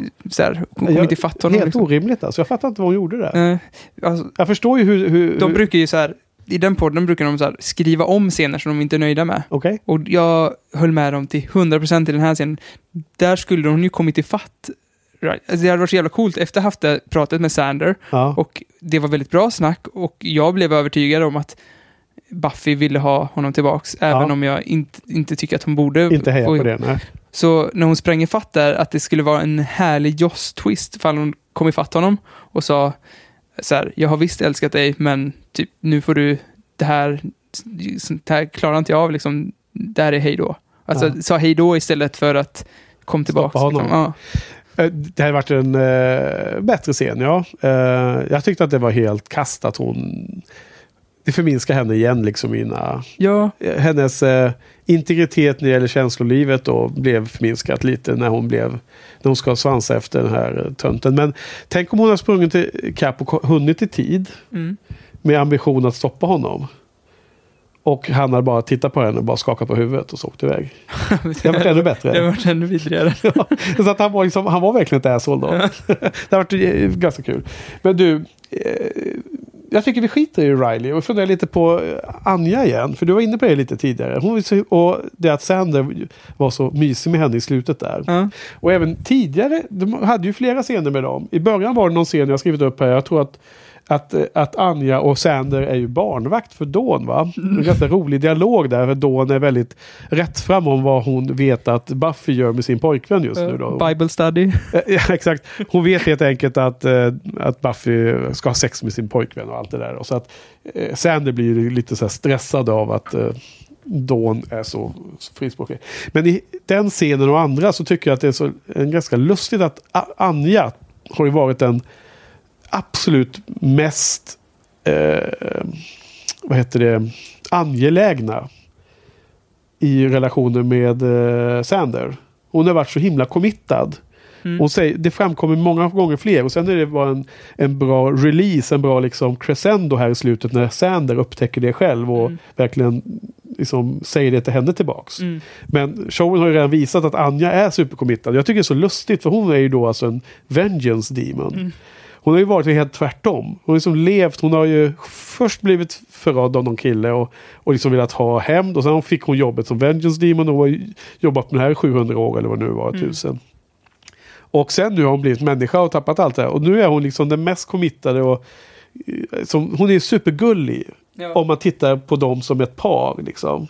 Sen har de massor med andra värdefulla egenskaper. Hon är bara lustig liksom. Och såna saker. Ja, det är också coolt att se, för vi pratade lite om i förra avsnittet också, om att eh, Tar- Terror är väldigt one-note. Och att eh, Sanders till exempel, eh, att man spelar med hans stereotyp. Och här är det exakt samma sak. På pappret är ju Anja väldigt platt. Hon är bara den här eh, quirky sanningssägaren. Men hon, hon har ju ändå sen någon slags, som visar, jag tror att det är det här avsnittet som hon visar någon slags själv, nej det är Triangle tror jag. Ja. Som hon liksom har, hon är självmedveten, hon är medveten själv om att hon har dålig, jag vet inte, social kompetens eller hon, hon är Ja, dålig på att läsa ja. signaler liksom. Och säger det också, bara, "Ah, Anja hon är så dålig på att läsa signaler. Ja. Nej, men alltså, jag tycker hon är så himla långt ifrån one note. ja verkligen. eh, än, vad, än vad man kan eh, säga. Och speciellt om man jämför med Terra. Men jag ville bara kommentera det. Att jag, jag tycker att de är eh, himla härliga helt enkelt. Jag med.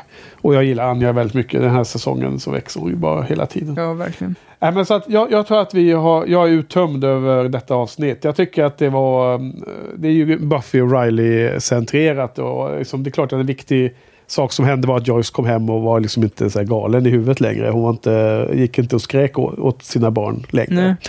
Som en madman, men det är ju bra. Men i övrigt så var det mest om, om Riley. Så att, ah, men det var ju ändå ganska bra. Det finns ju alltid mycket bra grejer. Ja. Här, Scenen mellan eh, Spiker och eh, Riley, tror jag, att- där fick jag känslan av att du också, att det, det var en scen som du gillade. För att där kändes det som att Spike vilken, var det efter Spike hade visat Buffy vad Riley gjorde? Ja, och Riley kom och, och hugger en jävla plast... eh, Påle. påle i hjärtat på Spike. Just Jävla det. konstigt alltså. Ja. Men... Vad eh, tyckte du om den scenen? Sa eh, du? konstig och dålig.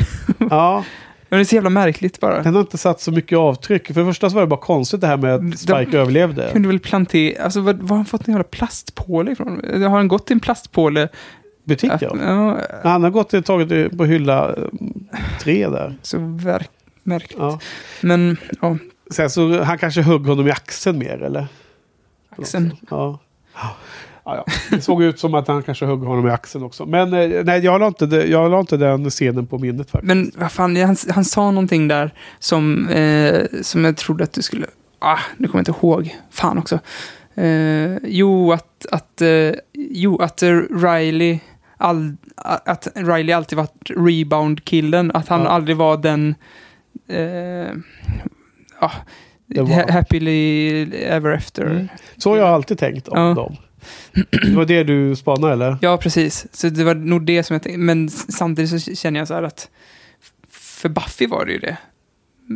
Mm. Alltså, jag, jag, tror inte, jag tror att hennes känslor för honom är... Var, hon tänkte inte... Hon, hon kände nog inte det här är ett steg till mitt, den ultimata killen, utan det här, det här är this is it. Liksom. Jag tror att, jag tror att Det är, som, det är väl som tonårskärlek alltid är. Att det alltid är liksom på liv och död. Och eh, det är alltid den veckans senaste pojkvän eller flickvän var alltid det bästa i världen. Liksom. Mm, kanske så. Men, men eh, vad, vad säger du? Var det inte här som Spike säger att Buffy needs a monster in her, in her guy? Eller något sånt där. Ja. Eller något liknande. Ja, det är något sånt. vad, vad, vad tycker du om det uttalandet? då? Tror du att Buffy är en sån som alltid behöver en... Nej, nej, jag tror att det är Spike som bara jävlas. Alltså, Ja, men det är att han jävlas i scenen mot Riley. Men tror, tror att det finns någon sanning i det han råkar säga? ja, absolut inte. Nej. Det tycker jag, jag, jag... Hon har bara haft jävla otur alltså.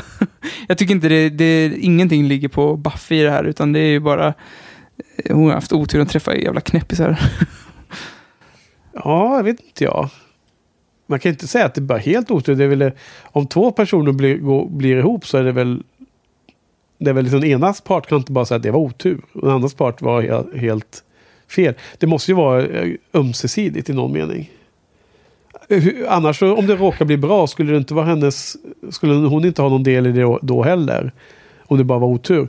eller tur eh, som spelare. Nej, men jag tycker nog att, jag menar, Nej, jag vet, man, man kan inte anklaga någon för att hon har känslor för någon person. Det kan man inte göra kanske, men man måste väl ändå liksom, hon har väl en del i relationen i alla fall. Nej, jag vet inte, jag har inte funderat på den här frågan så mycket. Uh, nej, nej, nej. nej jag, jag, jag, vet inte. nej, men hon, men... hon kanske är en, huv, en, en huvudperson som inte kommer ha... Som aldrig kan få en, en bra förhållande. Jag vet inte. Det, det, känns ju inte som att det finns någonting i hennes personlighet som gör att hon, hon... Jag tycker att det känns som att hon vill ha en stabil kille och här med Riley kändes det som att hon bara gav honom allt. Hon så här, jag, jag litar 100% på dig. Och ja. det gör ju att hon kanske inte är 100% uppmärksam på honom. Utan ja. hon bara tog honom liksom för givet. Det var ju det här... Sander var inne och snackade om ja. Eller hur? Att du, du bara liksom eh, dissar det du har framför ögonen som är bra liksom. Du tar det för givet på något sätt. Eller var det inte något sånt han pratade om också? Det vet jag inte, men jag menar inte ta, ta alltså att han, jag menar nog att Buffy eh, la all sin tillit till honom ut, utan att liksom eh, jag vet inte vad jag pratar om. Nej, det är intressant. Jag vet inte, det kanske man inte kan sitta och spekulera om Buff så mycket. Men det känns ju som att hon eh, hon har en, en, eh, ett sätt att välja sina pojkvänner med att det, det finns två, två bitar i det hela. Det ena är att hon behöver den här eh, lugna, trygga killen som hon kan lita på mycket. Mm. Och det andra är att hon också dras till den här eh, mot part, partnern mer i, i det hon finns för. Att hon är slayer. Jag, jag, alltså, jag tror att jag känner att det är lite tvärtom. Att hon, att hon dras till, dem, till en stabil kille. För att på, på pappret så känns ju både Riley och Angel som, som väldigt liksom, stabila killar. Men att de kanske dras till hennes så här, eh, lite, eh, inte mörka, men så här, hon är ju ändå the slayer liksom. Att hon ja, jag har aldrig sett Angel som en sån stabil, lugn kille som hon förlitar sig på på det sättet. Utan jag har sett det mer som att hon blev fascinerad av att det fanns en mer erfaren äldre person som kunde den här världen som hon precis upptäckte. Ja, precis. Att det fanns ett en delmoment av attraktioner hos honom i det. Plus att massa andra attraktion, fysisk och ja, annat då som hon då mm. kände. Men, ja, det, Men jag, vet, jag, jag har aldrig känt fråga. att hon är attraherad av uh, mörkret, utan mer uh, kanske i Angel uh, visheten, eller vad man ska säga. Och, ja, men på något sätt så känns det ändå som att hon söker någon som är stark nog att matcha hennes styrka, kan jag tänka mig. Och hon kanske märkte, och, jag hoppas att hon märkte liksom att Riley inte var den. Ja, det, Matchade inte henne det väl, helt enkelt. Det är väl där jag inte håller med längre, kanske. Nej. Att hon, att hon, jag, jag, tror inte hon söker någon som matchar henne fysiskt, utan snarare matchar henne, kan ge henne stöd. Liksom. Ja, men när jag, menar, när jag säger att matcha hennes styrka, då menar inte jag bara fysiskt, även om det, det kan vara en del i det. Jag menar att hon är en så stark person. Hon är en sån... Eh, hon, hon, har så stort, så starkt gravitationsfält runt sig. Mm. Personlighet, eh, hennes roll, hennes unikhet, hennes eh, vilja. Ja, men precis. Hon kanske, vill ha, hon kanske behöver någon som har samma självständighet. Som inte är beroende hon, av... Ja, hon kan, hon kan i alla fall inte ha en pojkvän som blir förintad av att hon är så tung i alla dessa Nej. parametrar. Precis. Han kan krossas under hennes styrka helt ja. enkelt. Hennes badassness. Precis. Mm. Jag, tror att det, jag tror sånt finns i verkligheten också. Att, uh, att man, oavsett om man var super uh, individuella och separata när man blev ihop så, så kan en part liksom försvinna in i skuggan av den andra. Mm. Och inte vara sin egen personlighet längre. Utan bara bli som en en, en, en eh, bifigur till den, den, den, den andra parten i förhållandet. Mm. Och då blir det inte lika bra längre. För Nej. då har man inte kvar det som var attraktionen från början. Nej. Och ja, det, det känns som att Buffy har hamnat där i med Riley. Han var liksom inte eh, kvar av det, den eh, lite häftiga eh, assisterande läraren som hon stötte på på college liksom. Som var cool och sådär. Nej. Eller vad det hon nu tyckte. Precis. Kanske bara var hans eh, blonda lockiga hår och blå ögon, vad vet jag. Nej, nej, eh, han var väl van att vara den med störst gravitationsfält och sen så helt plötsligt så var han inte det och då, då tyckte han att det var jobbigt. Då fallerade det för honom. Ja. Ja. Ja, g- eh, nu är han god riddance, nu är han borta i alla fall. Så nu får vi gå vidare. Ja, det måste vi göra. Eh, Det här i alla fall, jag tyckte ja, men helt okej och det var en del bra grejer. Men 6 och 10 satt jag på den då i alla fall. Ja, Jag, jag, ja, jag vet inte, jag sätter samma. ja det är samma. Eh, Men du, vi ska gå vidare. Of course, that's what she cares about. I like money better than people. People can so rarely be exchanged for goods and or services. Sandra, she's pretending to be me. Well, can you even believe how she's acting? Okay, you know what? I'm tired of being the one in the middle. I'm not gonna let you pull me into this. I'm not. Whatever the issue is between you two, just figure it out without me. Sandra, don't go.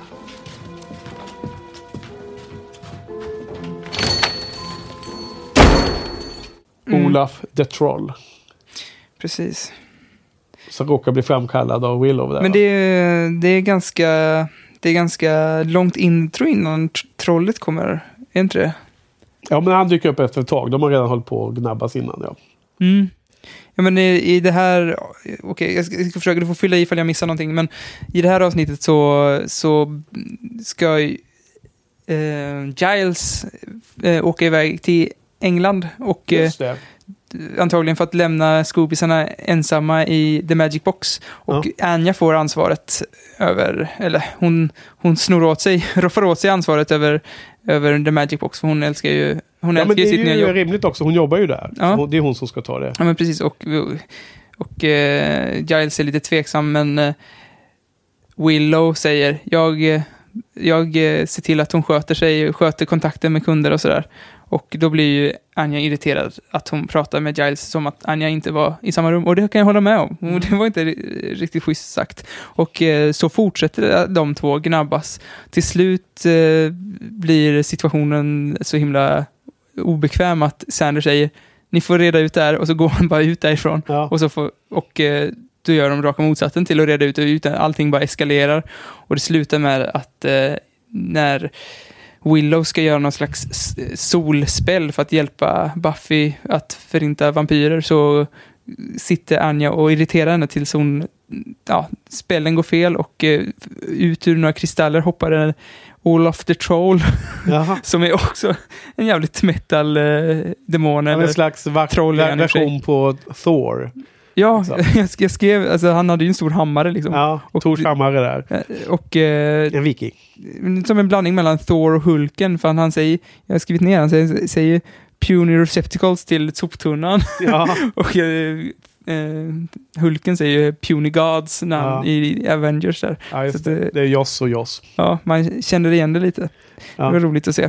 Men eh, ja, det, Ja, men sen besegrar de demoner. men vad, det handlar ju om att Willow och Anja är eh, gnabbas över Sander. De är svartsjuka och, Mm. och osäkra på... Ja, det kommer ju fram varandras, lite eh, senare att eh, det de är irriterade på varandra för det att, att Willow är ju rädd för att eh, Anja, Anja ska såra Sander. Mm.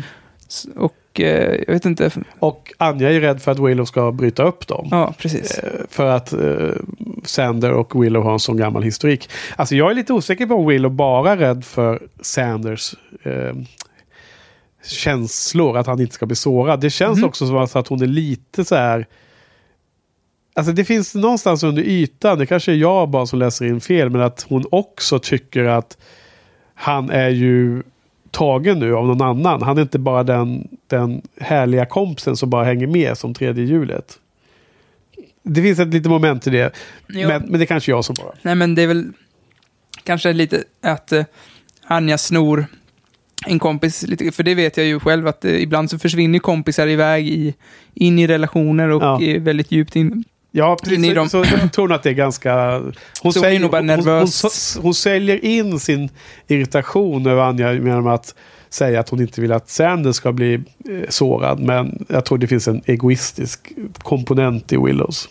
Ja, jag, om jag skulle få gissa så tror jag att det är 85% att hon är rädd för att Sander ska såras av Anja och Ja. eh, resten eh, lite ledsen över att kanske eh, inte får tillbringa lika mycket tid med sin bästis. Ja, precis. Så resten är 25 procent. 85 plus 25 är 100. Eller är det 5 procent? 5 procent är det va? Det är väl 45. 13. Ja. Men eh, ja, precis. Det här är ju skrivet då av Jane Espensen. Så jag, Mm. jag liksom eh, spetsade öronen och tänkte att nu blir det ett bra, roligt program.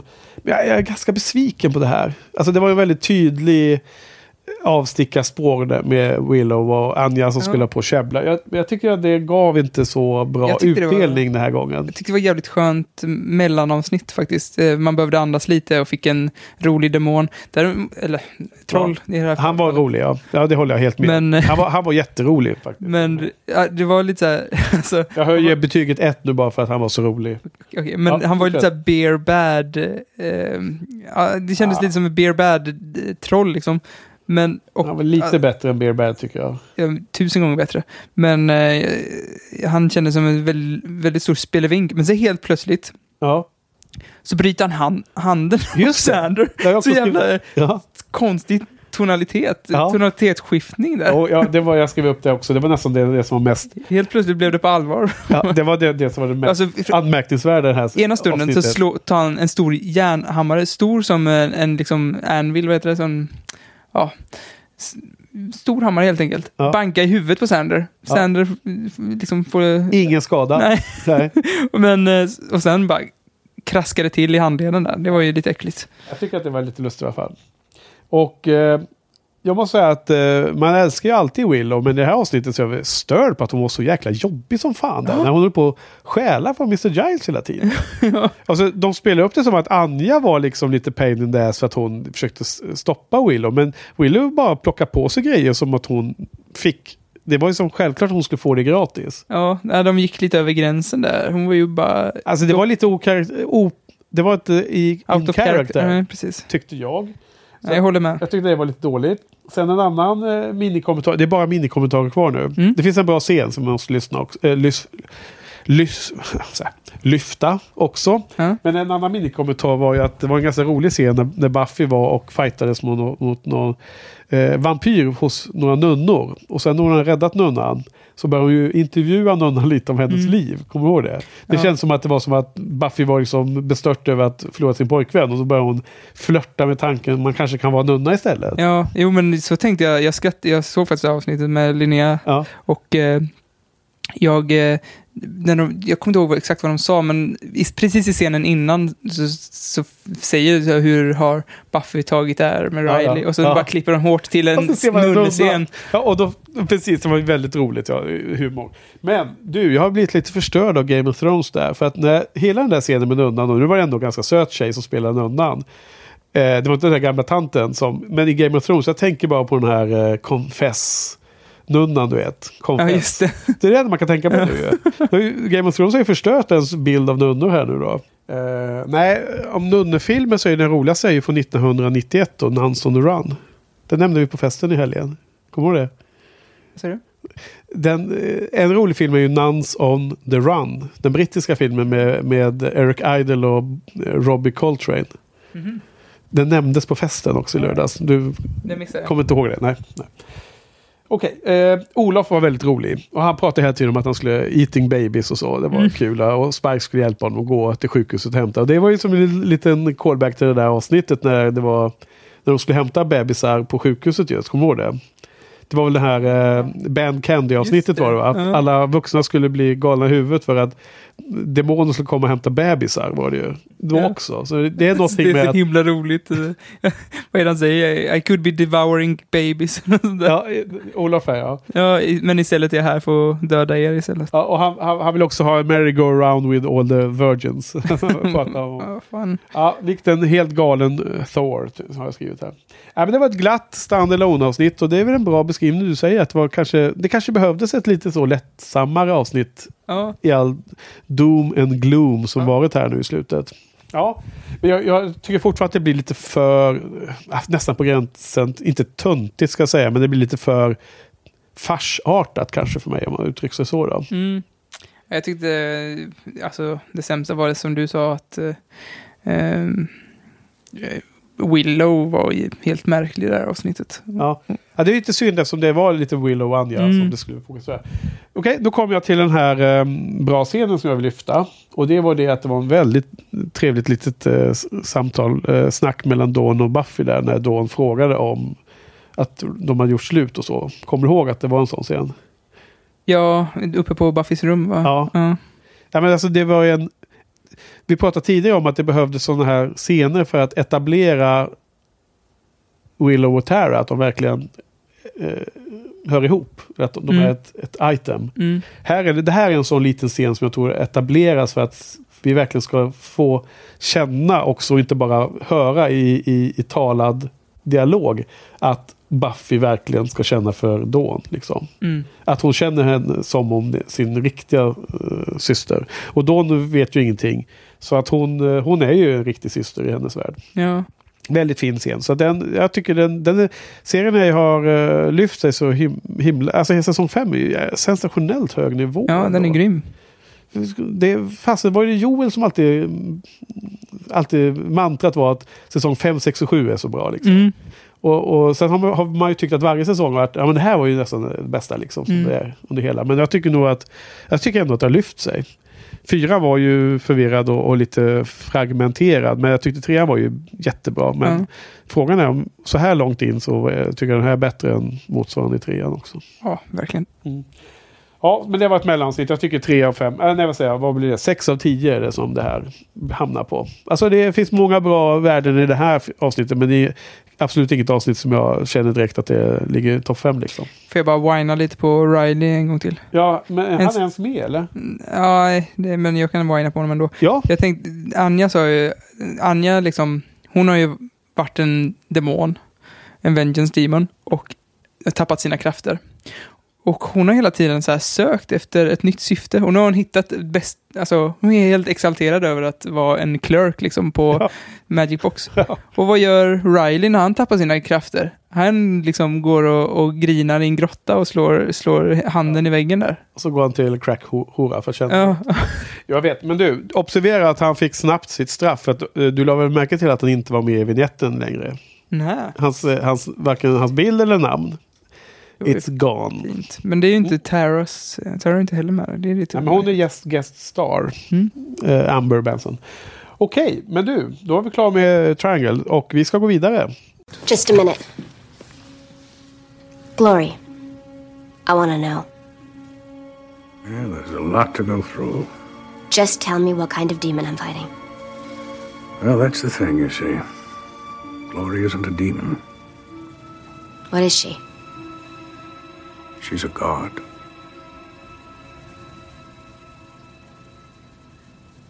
Oh,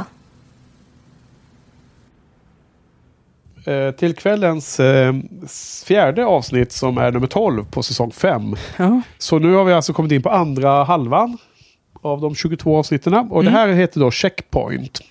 Så vad handlar det här avsnittet om, om då, Johan? eh, jag vet inte. Vi kanske, har en, vi kanske får möta en, eh, en gammal favorit, Quentin, igen. Från Just- The Watchers Council. Ja, de är tillbaks där.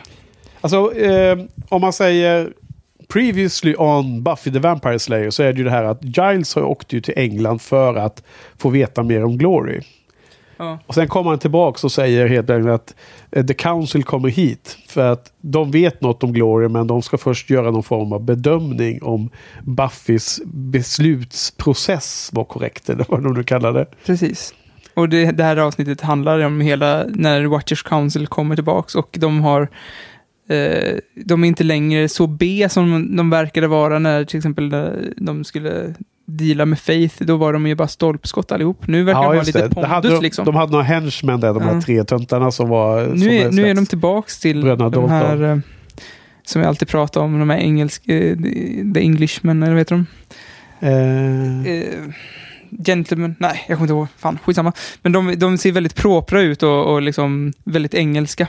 ja. Och, eh, och eh, även den här The Glory, eh, också Glorificus. mycket, Glorificus, mycket pondus och sådär. Hon är med ja. Ja.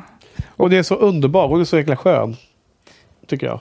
ja, jag börjar se, se storheten i, Ja. i henne faktiskt. Men Hon eh, är gudomlig.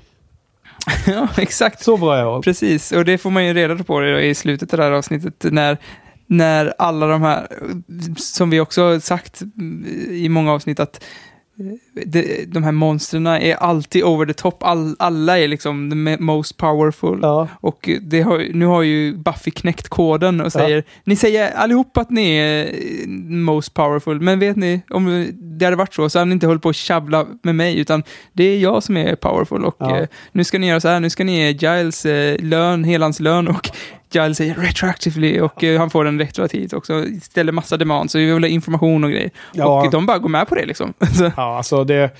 Avslutningsscenen som du nu snabbt refererar ifrån är ju otroligt bra. Ja, den är grym. Och, och också så här, eh, I have two powerful witches, an ex-demon. Och Anja säger, Is Willow ex-demon? Hon ska försöka dölja det sig. är den finaste. Ja, nej, hon är ju så himla fin. Alltså, jag höjde ljudet successivt på, på, på tvn här, eller på högtalarna här, när jag såg den scenen när, när Buffy bara... Hon kommer för sent till sin jäkla review och han Quentin, vad han nu heter, sitter där och ser så jäkla dryg ut. För övrigt är det, jag vet inte vad du syftade till, men jag tycker att hela det gänget påminner ganska väl om, nu kommer den obligatoriska Harry Potter-referensen. Jag tycker att det är liksom det här eh, Ministry of Magic-stuk Mm. över de här. De är, ganska, de är väldigt fina, de har dyra kläder, de, är, de ser väldigt eh, officiella ut. Men sen så är de då varierande grad av helt bara pucko liksom. En del av dem. Ja, Så att de är ju inte så här supertajta egentligen. Eh, men den scenen hon kommer och, och liksom hennes tal där, när hon vänder på hela, hela steken. Liksom, de kommer dit för att hon ska utsättas för ett test. Istället ger hon Quentin ett test. Där han får chansen att antingen svara rätt eller fel. Och svarar han fel så, så har hon ingenting mer med dem att göra. Och då får han lomma hem med svansen mellan benen. Och han bara viker sig 100%. Så det är en så jäkla underbar scen. Tyvärr tycker jag att den scenen förstörs av att skobisarna sitter och, och applåderar helt plötsligt uppe på hyllan. Och det liksom gör att hela scenen tar, tar bort all, allvaret i den lite. Alltså det, det är så jäkla dåligt att de gör så. Det är nästan så att det är lika dåligt som pålagt sån här applåder och skratt på såna här komediserier. Du vet, typ Seinfeld som är pålagt skratt liksom. För det liksom tar bort från den. Den scenen var faktiskt jäkligt bra, jag tycker. Jag vet inte. men det hade kanske varit ännu mäktigare om de såg lite nervösa ut och de var nervösa för Buffy skulle bara, du kommer, du kommer bli så alltså- jävla bestraffad för det här Buffy. Ja, exakt. Om, att det fanns en otydlighet att, där Att det i- skulle bli mer förlösande när de väl går med på hennes demands. Nej men alltså man såg som Mr. Giles reagerar att han ler under han, han ler under liksom, han håller en straight min men man ser att han ler lite i, i, i mjugg liksom eller vad det heter. Det hade räckt också om Sander och de hade liksom eh, med någon blick visat för Buffy att de tyckte att hon gjorde helt rätt och så vidare. Men nu satt de och applåderade som en annan skara lite små barn. Men i alla fall, skitsamma, det, det var en bra scen. Och, eh, men hela avsnittet tycker jag är ganska bra. Det är ju en liten spegling av den här Helpless när hon Mhm. utsätts för Kralik och ska göra det här testet när hon fyller 18 Ja, faktiskt. Så att liksom det, det spelar lite på att man hela tiden väntar sig vad är, de, vad är det de ska jävlas med nu då för något. Och sen att hon då genomskådar dem att, att de här testet hon ska få göra med hennes besluts eh, process eller hur hon tänker och hur hennes strategier skulle vara. Att det liksom finns inga rätta svar. Hon skulle misslyckas hur hon än gör då. Ja. Ja, det är lustigt. Sen då, eh, har du hittat någonting på Nej, internet jag där hittar eller? fan inte. Vad är det du letar efter? Nej, men jag har pratat om det förut, den här engelska Bondaktiga filmen där de har... Eh, Kingsman. Ja, Kingsman heter det. Ja. Precis, det var den jag tyckte eh, Watchers Council var Ah, mycket... det var det du ju, okej. och Ah, jag, ja. jag har dratt den parallellen tidigare. Ja, just också. det. Ja, men den, eh, du verkar gilla den filmen. Ja, den Ja. älskar jag. Ja, just det. Jag var lite så sval för den. Ja, nej, men jag, jag, den filmen vis, hade jag faktiskt ingen aning om vad det var för någonting och bara... Jag, jag vet inte vad jag gjorde. Jag bara gick in på en bio, tog en film och gick och satte mig på den. Ja, men det är ju det är ju bästa Ja. setupen att se en film. Då exakt- kan man ju inte bli så besviken. Nej, och det var exakt så jag såg den här Captain Harris, eller vad han? Vilken var det? När han eh, blir... eh, Det här skeppet som blir kapat. och eh, Ja, Captain eh, Philips. Phillips, ja. Precis. Och den, gillar du inte den eller? Jo, men den var väl helt okej. Det var en ju fantastiskt bra sista scen där Ja. när han bryter ihop då. Jo. Tom Hanks heter han. Mm, exakt. Känner du till den skådespelaren? Eh, ringer en klocka Ja, faktiskt. ganska slätstruken och tråkig, men han var bra där i slutet. Ja. There's also a near consensus about Columbus, you know, until someone asked the Vikings what they were up to in the 1400s, and they're like discovering this America shaped continent. Det var kul tyckte jag att eh, Buffy dissade Columbus på föreläsningen när hon började käfta emot historieläraren. för, för Buffy, där är det ju lite det att hon visar på att hon är fritänkare. Hon liksom nöjer sig inte med att någon bara presenterar san, eh, som en sanning som hon direkt förstår är fel. Nej. Och det liksom ska ju spegla lite det som Quentin är ute efter. Ju. De visar ju liksom oss här lite att Buffy visste liksom hon kan ju visst liksom ta ett eget beslut och så han försöker hela tiden misskreditera henne ju. Mm. Och framförallt eh, Mr Giles försöker han misskreditera. Det, när de kommer, hon ska vara med, med, med, eh, med den här eh, blindfold ska hon ta massor med direktioner på, japani, eh, på japanska liksom. Japanis. Ja, eh, de har sina konstiga medel. Men, Men du, en ja. jävla konstig scen när de, när de ska intervjua alla runt Buffy liksom, om Ja. henne. Jag ska Och så- komma till det nu. Så ska de intervjua Spike. Är inte det skitkonstigt? Ja, lite konstigt. Ska de inte bara stejka Spike? Ja, precis. Jag tror att Buffy har väl sagt någonting om att han är ofarlig. Men, men eh, vi ska ta det två gånger. Två omgångar. Först kan vi bara kommentera att den, den intervjun med Spike är ju så jäkla rolig när det visar sig att hon är kvinnliga personen har skrivit sin masters eh, paper på Jag var nog så irriterad på att det är så ologisk scen så att jag tyckte inte det var roligt. un- Underbar med deras äh, minspel där och ögonflörtning. när, när hon liksom, jaha du verkar intresserad av mig, säger Spike. Jag skrev faktiskt min masters degree, degree paper, eller vad nu kallar det, eh, om honom. Då. Jag tyckte det var underbart. Det tyckte jag var out of character för Watchers Council. De ska ju bara Ja, vara helt... Jo, men det blev ju lite pajigt där, jag håller med. Men det, det var ju bara för ren humor den. Det var, de slängde in det bara för att de kom på det, det, det, det roliga liksom, dialogen där mellan Spike och henne. Mm. Men hela, hela konceptet med att de intervjuar alla runt omkring och att de klipper på det här sättet emellan intervjuerna. Så att, Det är lite så SS-soldats... ja, det, dels det, men alltså när de klipper så fram, då, man hör en fråga, sen se- ser man en annan persons svar och sen ser man den första personens svar, du vet, fram tillbaks. Det är exakt samma sak som Joss gjorde sen i tredje episoden av Firefly. I det som heter Bas, ba, Bushwhacked. Eh, nu är jag trött i huvudet här så nu kan jag knappt eh, uttala. Alltså. Men Bushwhacked så har det, blir de ju eh, gänget på eh, vår, våra huvudpersoner på eh, smugglarrymdskeppet Serenity blir ju tillfångatagna av eh, militären som är som eh, staten. Mm. Och då ska de ju bli intervjuade och de klipper precis på samma sätt. Alltså du ser en intervju med person 1 och sen så fram och tillbaka och sen så kommer en fråga från intervjuaren och då har de helt plötsligt klippt in person 2. Och man ser hur de här eh, eh, vilken skön... Alltså de har varandras rygg. De, eh, de liksom en del... Eh, de försvarar varandra och samtidigt så ser man deras personligheter väldigt tydligt Mm. i det här gänget som man följer. Alltså det finns många saker. Det är samma sak här liksom. Man ser Tara Willow, hur de reagerar i den här intervjusituationen. Man ser Sander, man ser ja, Spike, vilka är det mer de Anja. intervjuar? Anja, ja, just det, Anja hon ska försöka bara dölja att hon har varit demon. Va? Det är hennes enda objektiv. Jag kan säga att den scenen i Bushwack är mycket, mycket bättre. Det känns som att det här var, det här var övningen och sen gör de det på riktigt sen. Men det var, det var väldigt liknande. Jag, jag satt och tänkt på det hela tiden faktiskt. Men du, du har inte jo, men du har ju sett det, men du har ju glömt alla scener i Ja. Firefly. Precis. Ja. Och det, var, alltså, det är helt sjukt, för det var inte så jäkla länge sedan jag såg... Alltså, men det är ändå som ett jäkla blankt papper när du pratar om... Ja, du har ju, det har verkligen satt sina spår hos dig. det har liksom kommit, Vilken skitserie alltså. ja, det har liksom kommit ens in, in i yttre laget på huden. Men eh, Don't make a lot of noise. Passions is coming on. Passions? Oh, do you think Timmy's really dead? Oh, no, no. She can just sew him back together. He's a doll, for God's sake. Uh, what about the wedding? Spike pratar om passions igen. När han ska vara barnvakt. När han ska ha... När jag öppnade upp min laptop när jag kom hit så Ja. hade jag googlat på Passions. Ja. jag visste inte vad det var för någonting. Nej, är Det det? finns eller? Ja, det verkar vara en tv-serie som gick ungefär samtidigt som eh, Buffy där. Millennieskiftet någon gång. Ja. Och det är när, när Buffy vill ju att eh, gömma Joyce och Dawn ifrån eh, Glory som då ska ut och leta efter henne efter att eh, Glory haft en, en eh, möte med Buffy hemma hos Buffy. Då, då, det är då eh, vi får höra om Passion igen. Men det är egentligen den, den bästa scenen då vid sidan av intervjuerna så är det ju det här eh, när Glory, Glorifi- Glorificus dyker upp hos Buffy va? Är det inte Mm. det? Jo, Det är en ganska bra scen. Ja.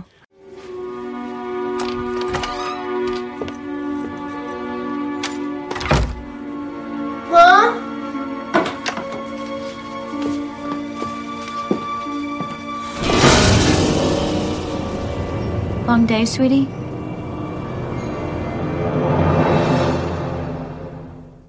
Och eh, då hon inte fattar alls hur mäktig hon är. Och bara Ja, kommer in i rummet och Ja. sen till slut börjar backa ut. Men eh, Glory har ju direkt koll på att hon är där. Och, Ja. och då är det ju the key. Hon har en inom räckhåll där. Hon fattar ju inte det, Glory.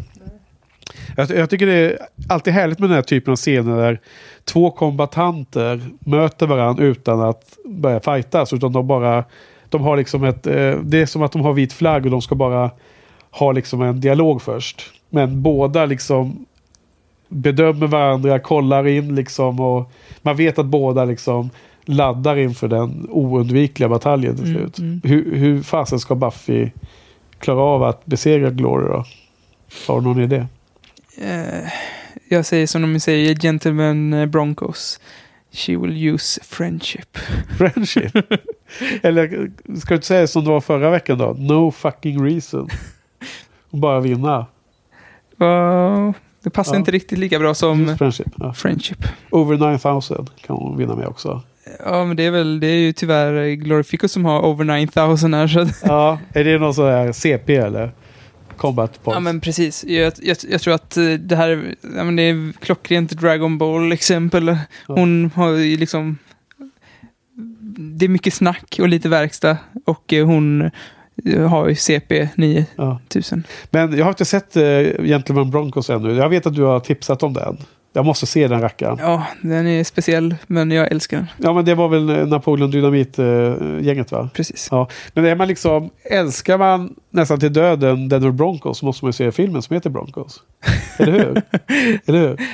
Eh, du menar tvärtom, om man älskar Broncos måste man se filmen som heter Gentleman Broncos? Ja, Denver Broncos. Ja, precis.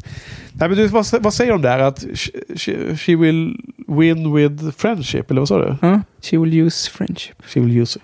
Hon kan säga she will use love. Tror du det då? Det är ju det är ungefär samma sak va? Ja, kanske. Ja, det vore någonting det. Men du, eh, checkpoint. Har du något mer eller? Glory, hon är en gud. Jag tycker att vi ska uppmana alla våra kära lyssnare där ute att skri skriva in en kommentar på våran eh, buffypodden.se och förklara varför heter avsnittet checkpoint.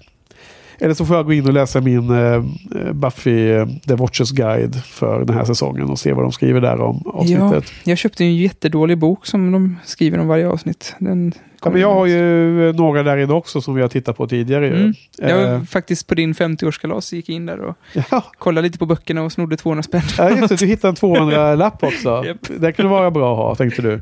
Men du köpte väl en jättenice bok här som du visade upp en annan gång? Brun med läder och grejer runt Ja, omkring. den fick jag inte läsa för dig. Så Nej, fick, nej, fick du det inte. är. Watchers... Ja, Det var väl uh, Mr. Giles eh, samlade verk på något sätt. ja exakt. Men det, den ligger hemma oläst hos dig, eller? Yes. Ja. Ja, ja. Nej, du får läsa den sen snart. Men du, eh, ska vi ta wrap it up här? Eh, checkpoint tyckte jag var också så här lite halvvanskligt. Eh, sju av tio har jag gett den här tydligen. Det var ju ganska bra då visade sig.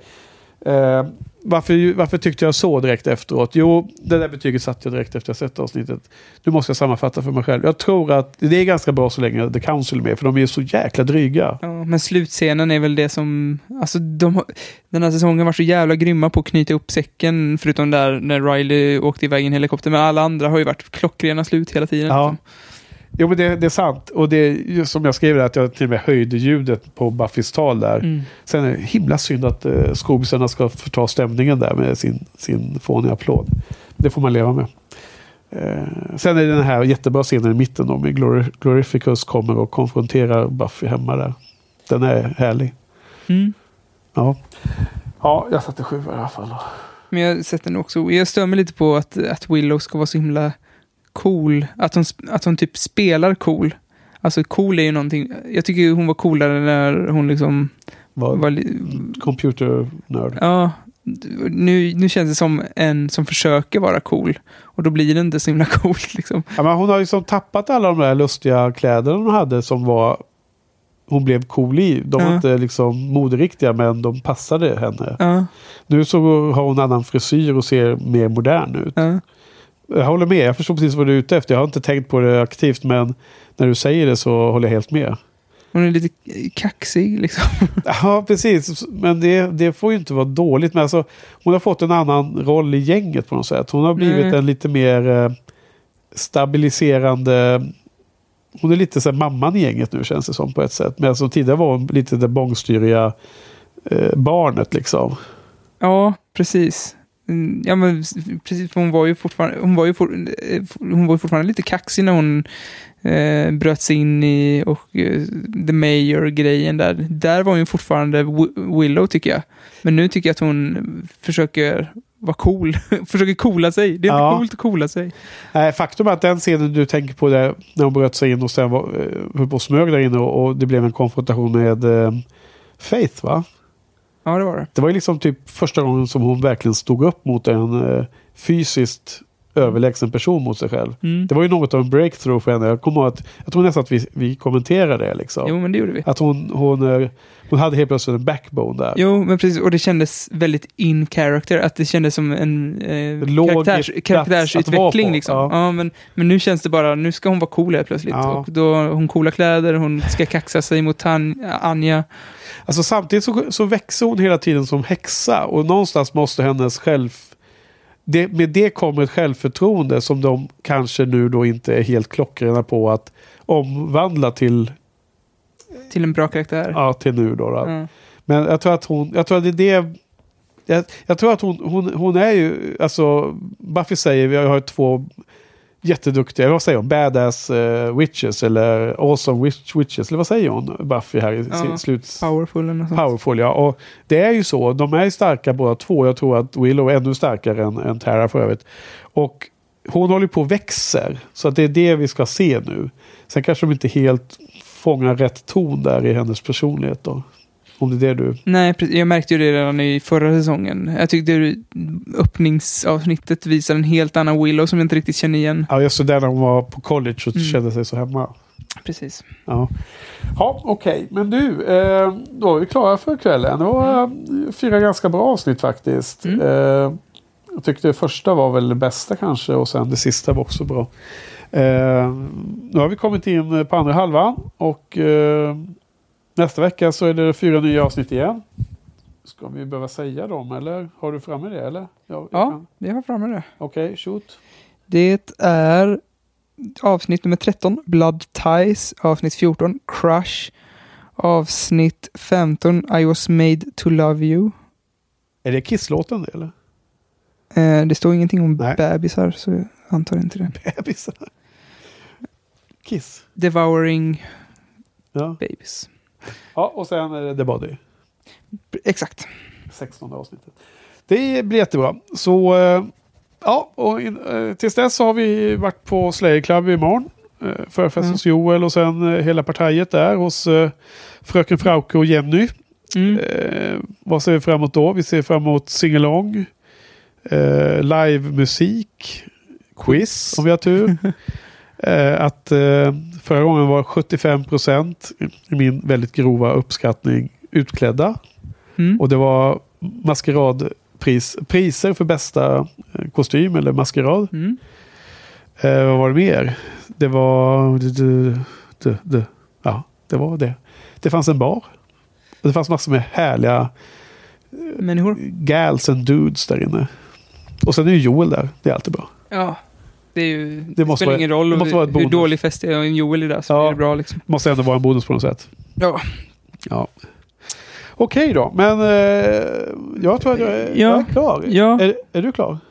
Ja, vi är klara. Tack, Johan. Tack Henke. Tack, Johan. Tack oss. Tack Johan. Hej då. Tack för oss, hej då. nu, kära lyssnare, så är vi tillbaks på Slayer Club andra festen. Slayer Club The Harvest. Och eh, här har vi framför mig eh, festens arrangörer Jenny och Fröken Frauke. Hallå, Hej, välkomna hej. tillbaks till podden. Tack! Tack. Eh, nu tror jag att vi ska köra på det här som... Det var, det var ju så här jag spelade in alla intervjuerna efter er förra gången. Det är en väldigt snygg liten mikrofon. Ja, jag tror att man skulle ha en sån här fluff på, men vi skiter i det. Ja, Vi ska Eh, försöka att andas så lite som möjligt. Jaha, precis. Vi hade ju mickar då när ni var med. Och det var ju så fort någon höll micken lite snett så ni kanske kommer ihåg det. Jag vet inte om ni hörde på det men det var lite sämre ljud. Men sen så hade vi den här micken som är otroligt eh, effektiv. För det var ju hysteriskt ljud den gången. Men det gick bra, väldigt, väldigt bra ändå. Ja, men berätta nu. Vad är det som händer ikväll nu då? Alltså vi är ju eh, tillbaka på The Bronze. Och eh, bara en trevlig, vanlig, eh, i Buffy-universumet obviously inte så vanlig. Men liksom bara så här klubbkväll efter, efter skolan. Häng med sina kompisar. Ja. Klaga på lärarna. Typ. Det blir lite 90-tal. Ja, massor av 90-tal. Se, nu ser ju inte ni, men vi ser ju fantastiskt tjusigt 90-tal ut. Ja. Ja, jag har som vanligt lite sunkig utklädning. Jag kör mitt Firefly-tema som vanligt. Den här gången har jag med mig hatten. Men Johan som ni träffade, ni båda när ni var gäster hemma på podden, har ju gått all in på, på utklädning idag. Det blir väldigt spännande. jag är helt eh, psyched för att jag tänker att han kommer att vara en contender i er tävling. Spännande. Ja, spännande. eh, Okej. Kommer det vara någon liveband idag då? Ja, det kommer bli ett pop-up uppträdande av något slag. Ah. Det blir en överraskning. Därför förra gången så var vi ju tyvärr ute, ute på gatan och intervjuade när ni spelade Jenny. Det var ju väldigt bra förra gången. Och det är ska det jag, det jag ångrar mest att vi missade. För att vi såg delar av de flesta andra momenten. Mm. Men vi, stod, vi, vi hade ju så fokus på den här som vi skulle spela in då. Så att det, det Nej, var- riktigt, riktigt så bra blir det inte. Vi har, vi har inte... Ja. Det blir nästan bättre. Ja, Okej, vi, vi, Vi får jag, jag, jag får ställa mina förhoppningar till eh, i mars då. Vad är det, den 11 eller vad är det? Alltså någonting kul kommer hända den tionde. Vi får se exakt vad det blir. 10 mars är det. 10 mars, men det är då som det är Buffys 20-årsjubileum. Uh, 20 år sedan som det sändes på riktigt. Ja. Och det är superspännande. Så vi får se lite grann vad som händer. Mm. Vi har gått ut ganska starkt och peppat, men vi får se lite grann. Mm. Och det är då vi kan ha lite olika Buffy-centrerade aktiviteter som sker runt den dagen. Ja, någonting kul blir det definitivt. Ja, supernice. Det kommer vi ju se fram emot. Och då kommer vi ha poddat klart alla serierna och det är liksom vårt måldatum. Vi kommer köra klart femman nu, sexan i december, november, december och sjuan i januari, februari. Ah, vilken otrolig timing. Så det kommer bli en timing där ja. Eh, Okej. Så eh, vad är det mer då? Eh, har vi Buffy-quiz att se fram emot? Vi har quiz och jag har gjort, jag, jag har gjort Ja, quizet alltså, den här gången. Ja. Och eh, Jenny här som ju är min Buffy-guru, Ja. hon, eh, hon, det, hon tyckte det var svårt. Så det är Ja, det svårare svårt, än förra ja. gången. Men Vi förra gången var det ganska svårt. Ja.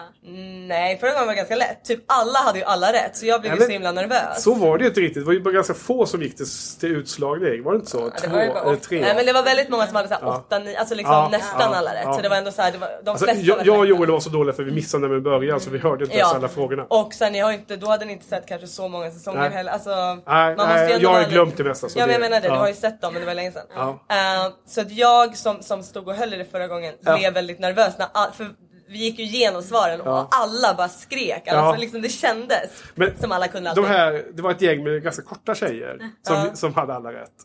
Och som de, också hade alla rätt på de här eh, jättesvåra utslagningstävlingarna. Hur många invånare finns i det. Två svar hade ni också. Ja, vi hade två... Dels i början och sen i början på säsong sju. och sånt Just där. det, när folk hade börjat avfolkas. Ja. eller- Nu har vi faktiskt bara en, eller vi har två utslagningsfrågor. Mm. Två utslagningsfrågor har vi. Och ehm, ja, nej, men jag tror att nivån på frågorna kommer vara lite svårare. Ja. Men det kommer finnas lite lätta frågor också. Så, att så här, alla kommer kunna något. Men det var svårt. Alltså, jag, Ja, jag du skämdes klar- ja. ganska Det- duktigt så jag, när jag fick You should. resultatet från Du, du var testpersonen. Jag var testpersonen Mm. och eh, ja. Men det är väldigt stor skillnad på att vara själv och att vara två eller tre. Precis, precis. Ja, det är det ju Men, verkligen men också. bara att vara två, då får man verkligen mycket Ja. större täckning alltså. Nej men vi har, vi har ju vi har just fått ett gäng pennor. Man, man kan ju gärna få vara själv också. Det är Ja. mer att man ska organisera. Men förra gången var det, du ropade ut någonting om pennorna där. Då tog vi måste ju ta tillbaka pennorna. Ja, det var, det var viktigt med, med pennorna kommer jag ihåg. Att vi, att vi fångade på, Ja, på det- tejp förra gången. Det är, man, ja. Pennor är... Vi vet ju hur det är. Hur många pennor har man inte slagit bort? Nej, precis. ja. Not tonight. Ja, ja okej. Nej, men det ser fram emot det här ikväll då. Så ehm, nu är vi på andra festen och så har vi då den stora i mars. Mm, Ja. någonting. Ja, kanske. Kanske. Ja. Nej men det ska bli det är superkul. Det är ju roligt att Ja. träffa fler Buffy-vänner. Liksom. Och det var många som inte kunde komma förra gången. Mm. Så det känns kul att liksom ge en till chans till vissa som kom obviously, som gillade det. Mm. Och vissa som inte kunde komma. Så att det är liksom Mm. en med en så här pass liten lokal så är det roligt att liksom köra lite mer, Mm. lite mer casual ändå. Alltså Mm. så här, det är liksom kom och dansa, vi har grym DJs, vi har ju singalong hela kvällen, vi har en Mm. till låt den här gången. Ja. Ehm, så att det är liksom, det är mer så här en varm hemmafest liksom. Typ. Ja. Alltså, jag måste säga att förra gången så gick jag hit med väldigt eh, oklar förväntning. Jag var ganska nervös för hela konceptet att ge sig in i det här.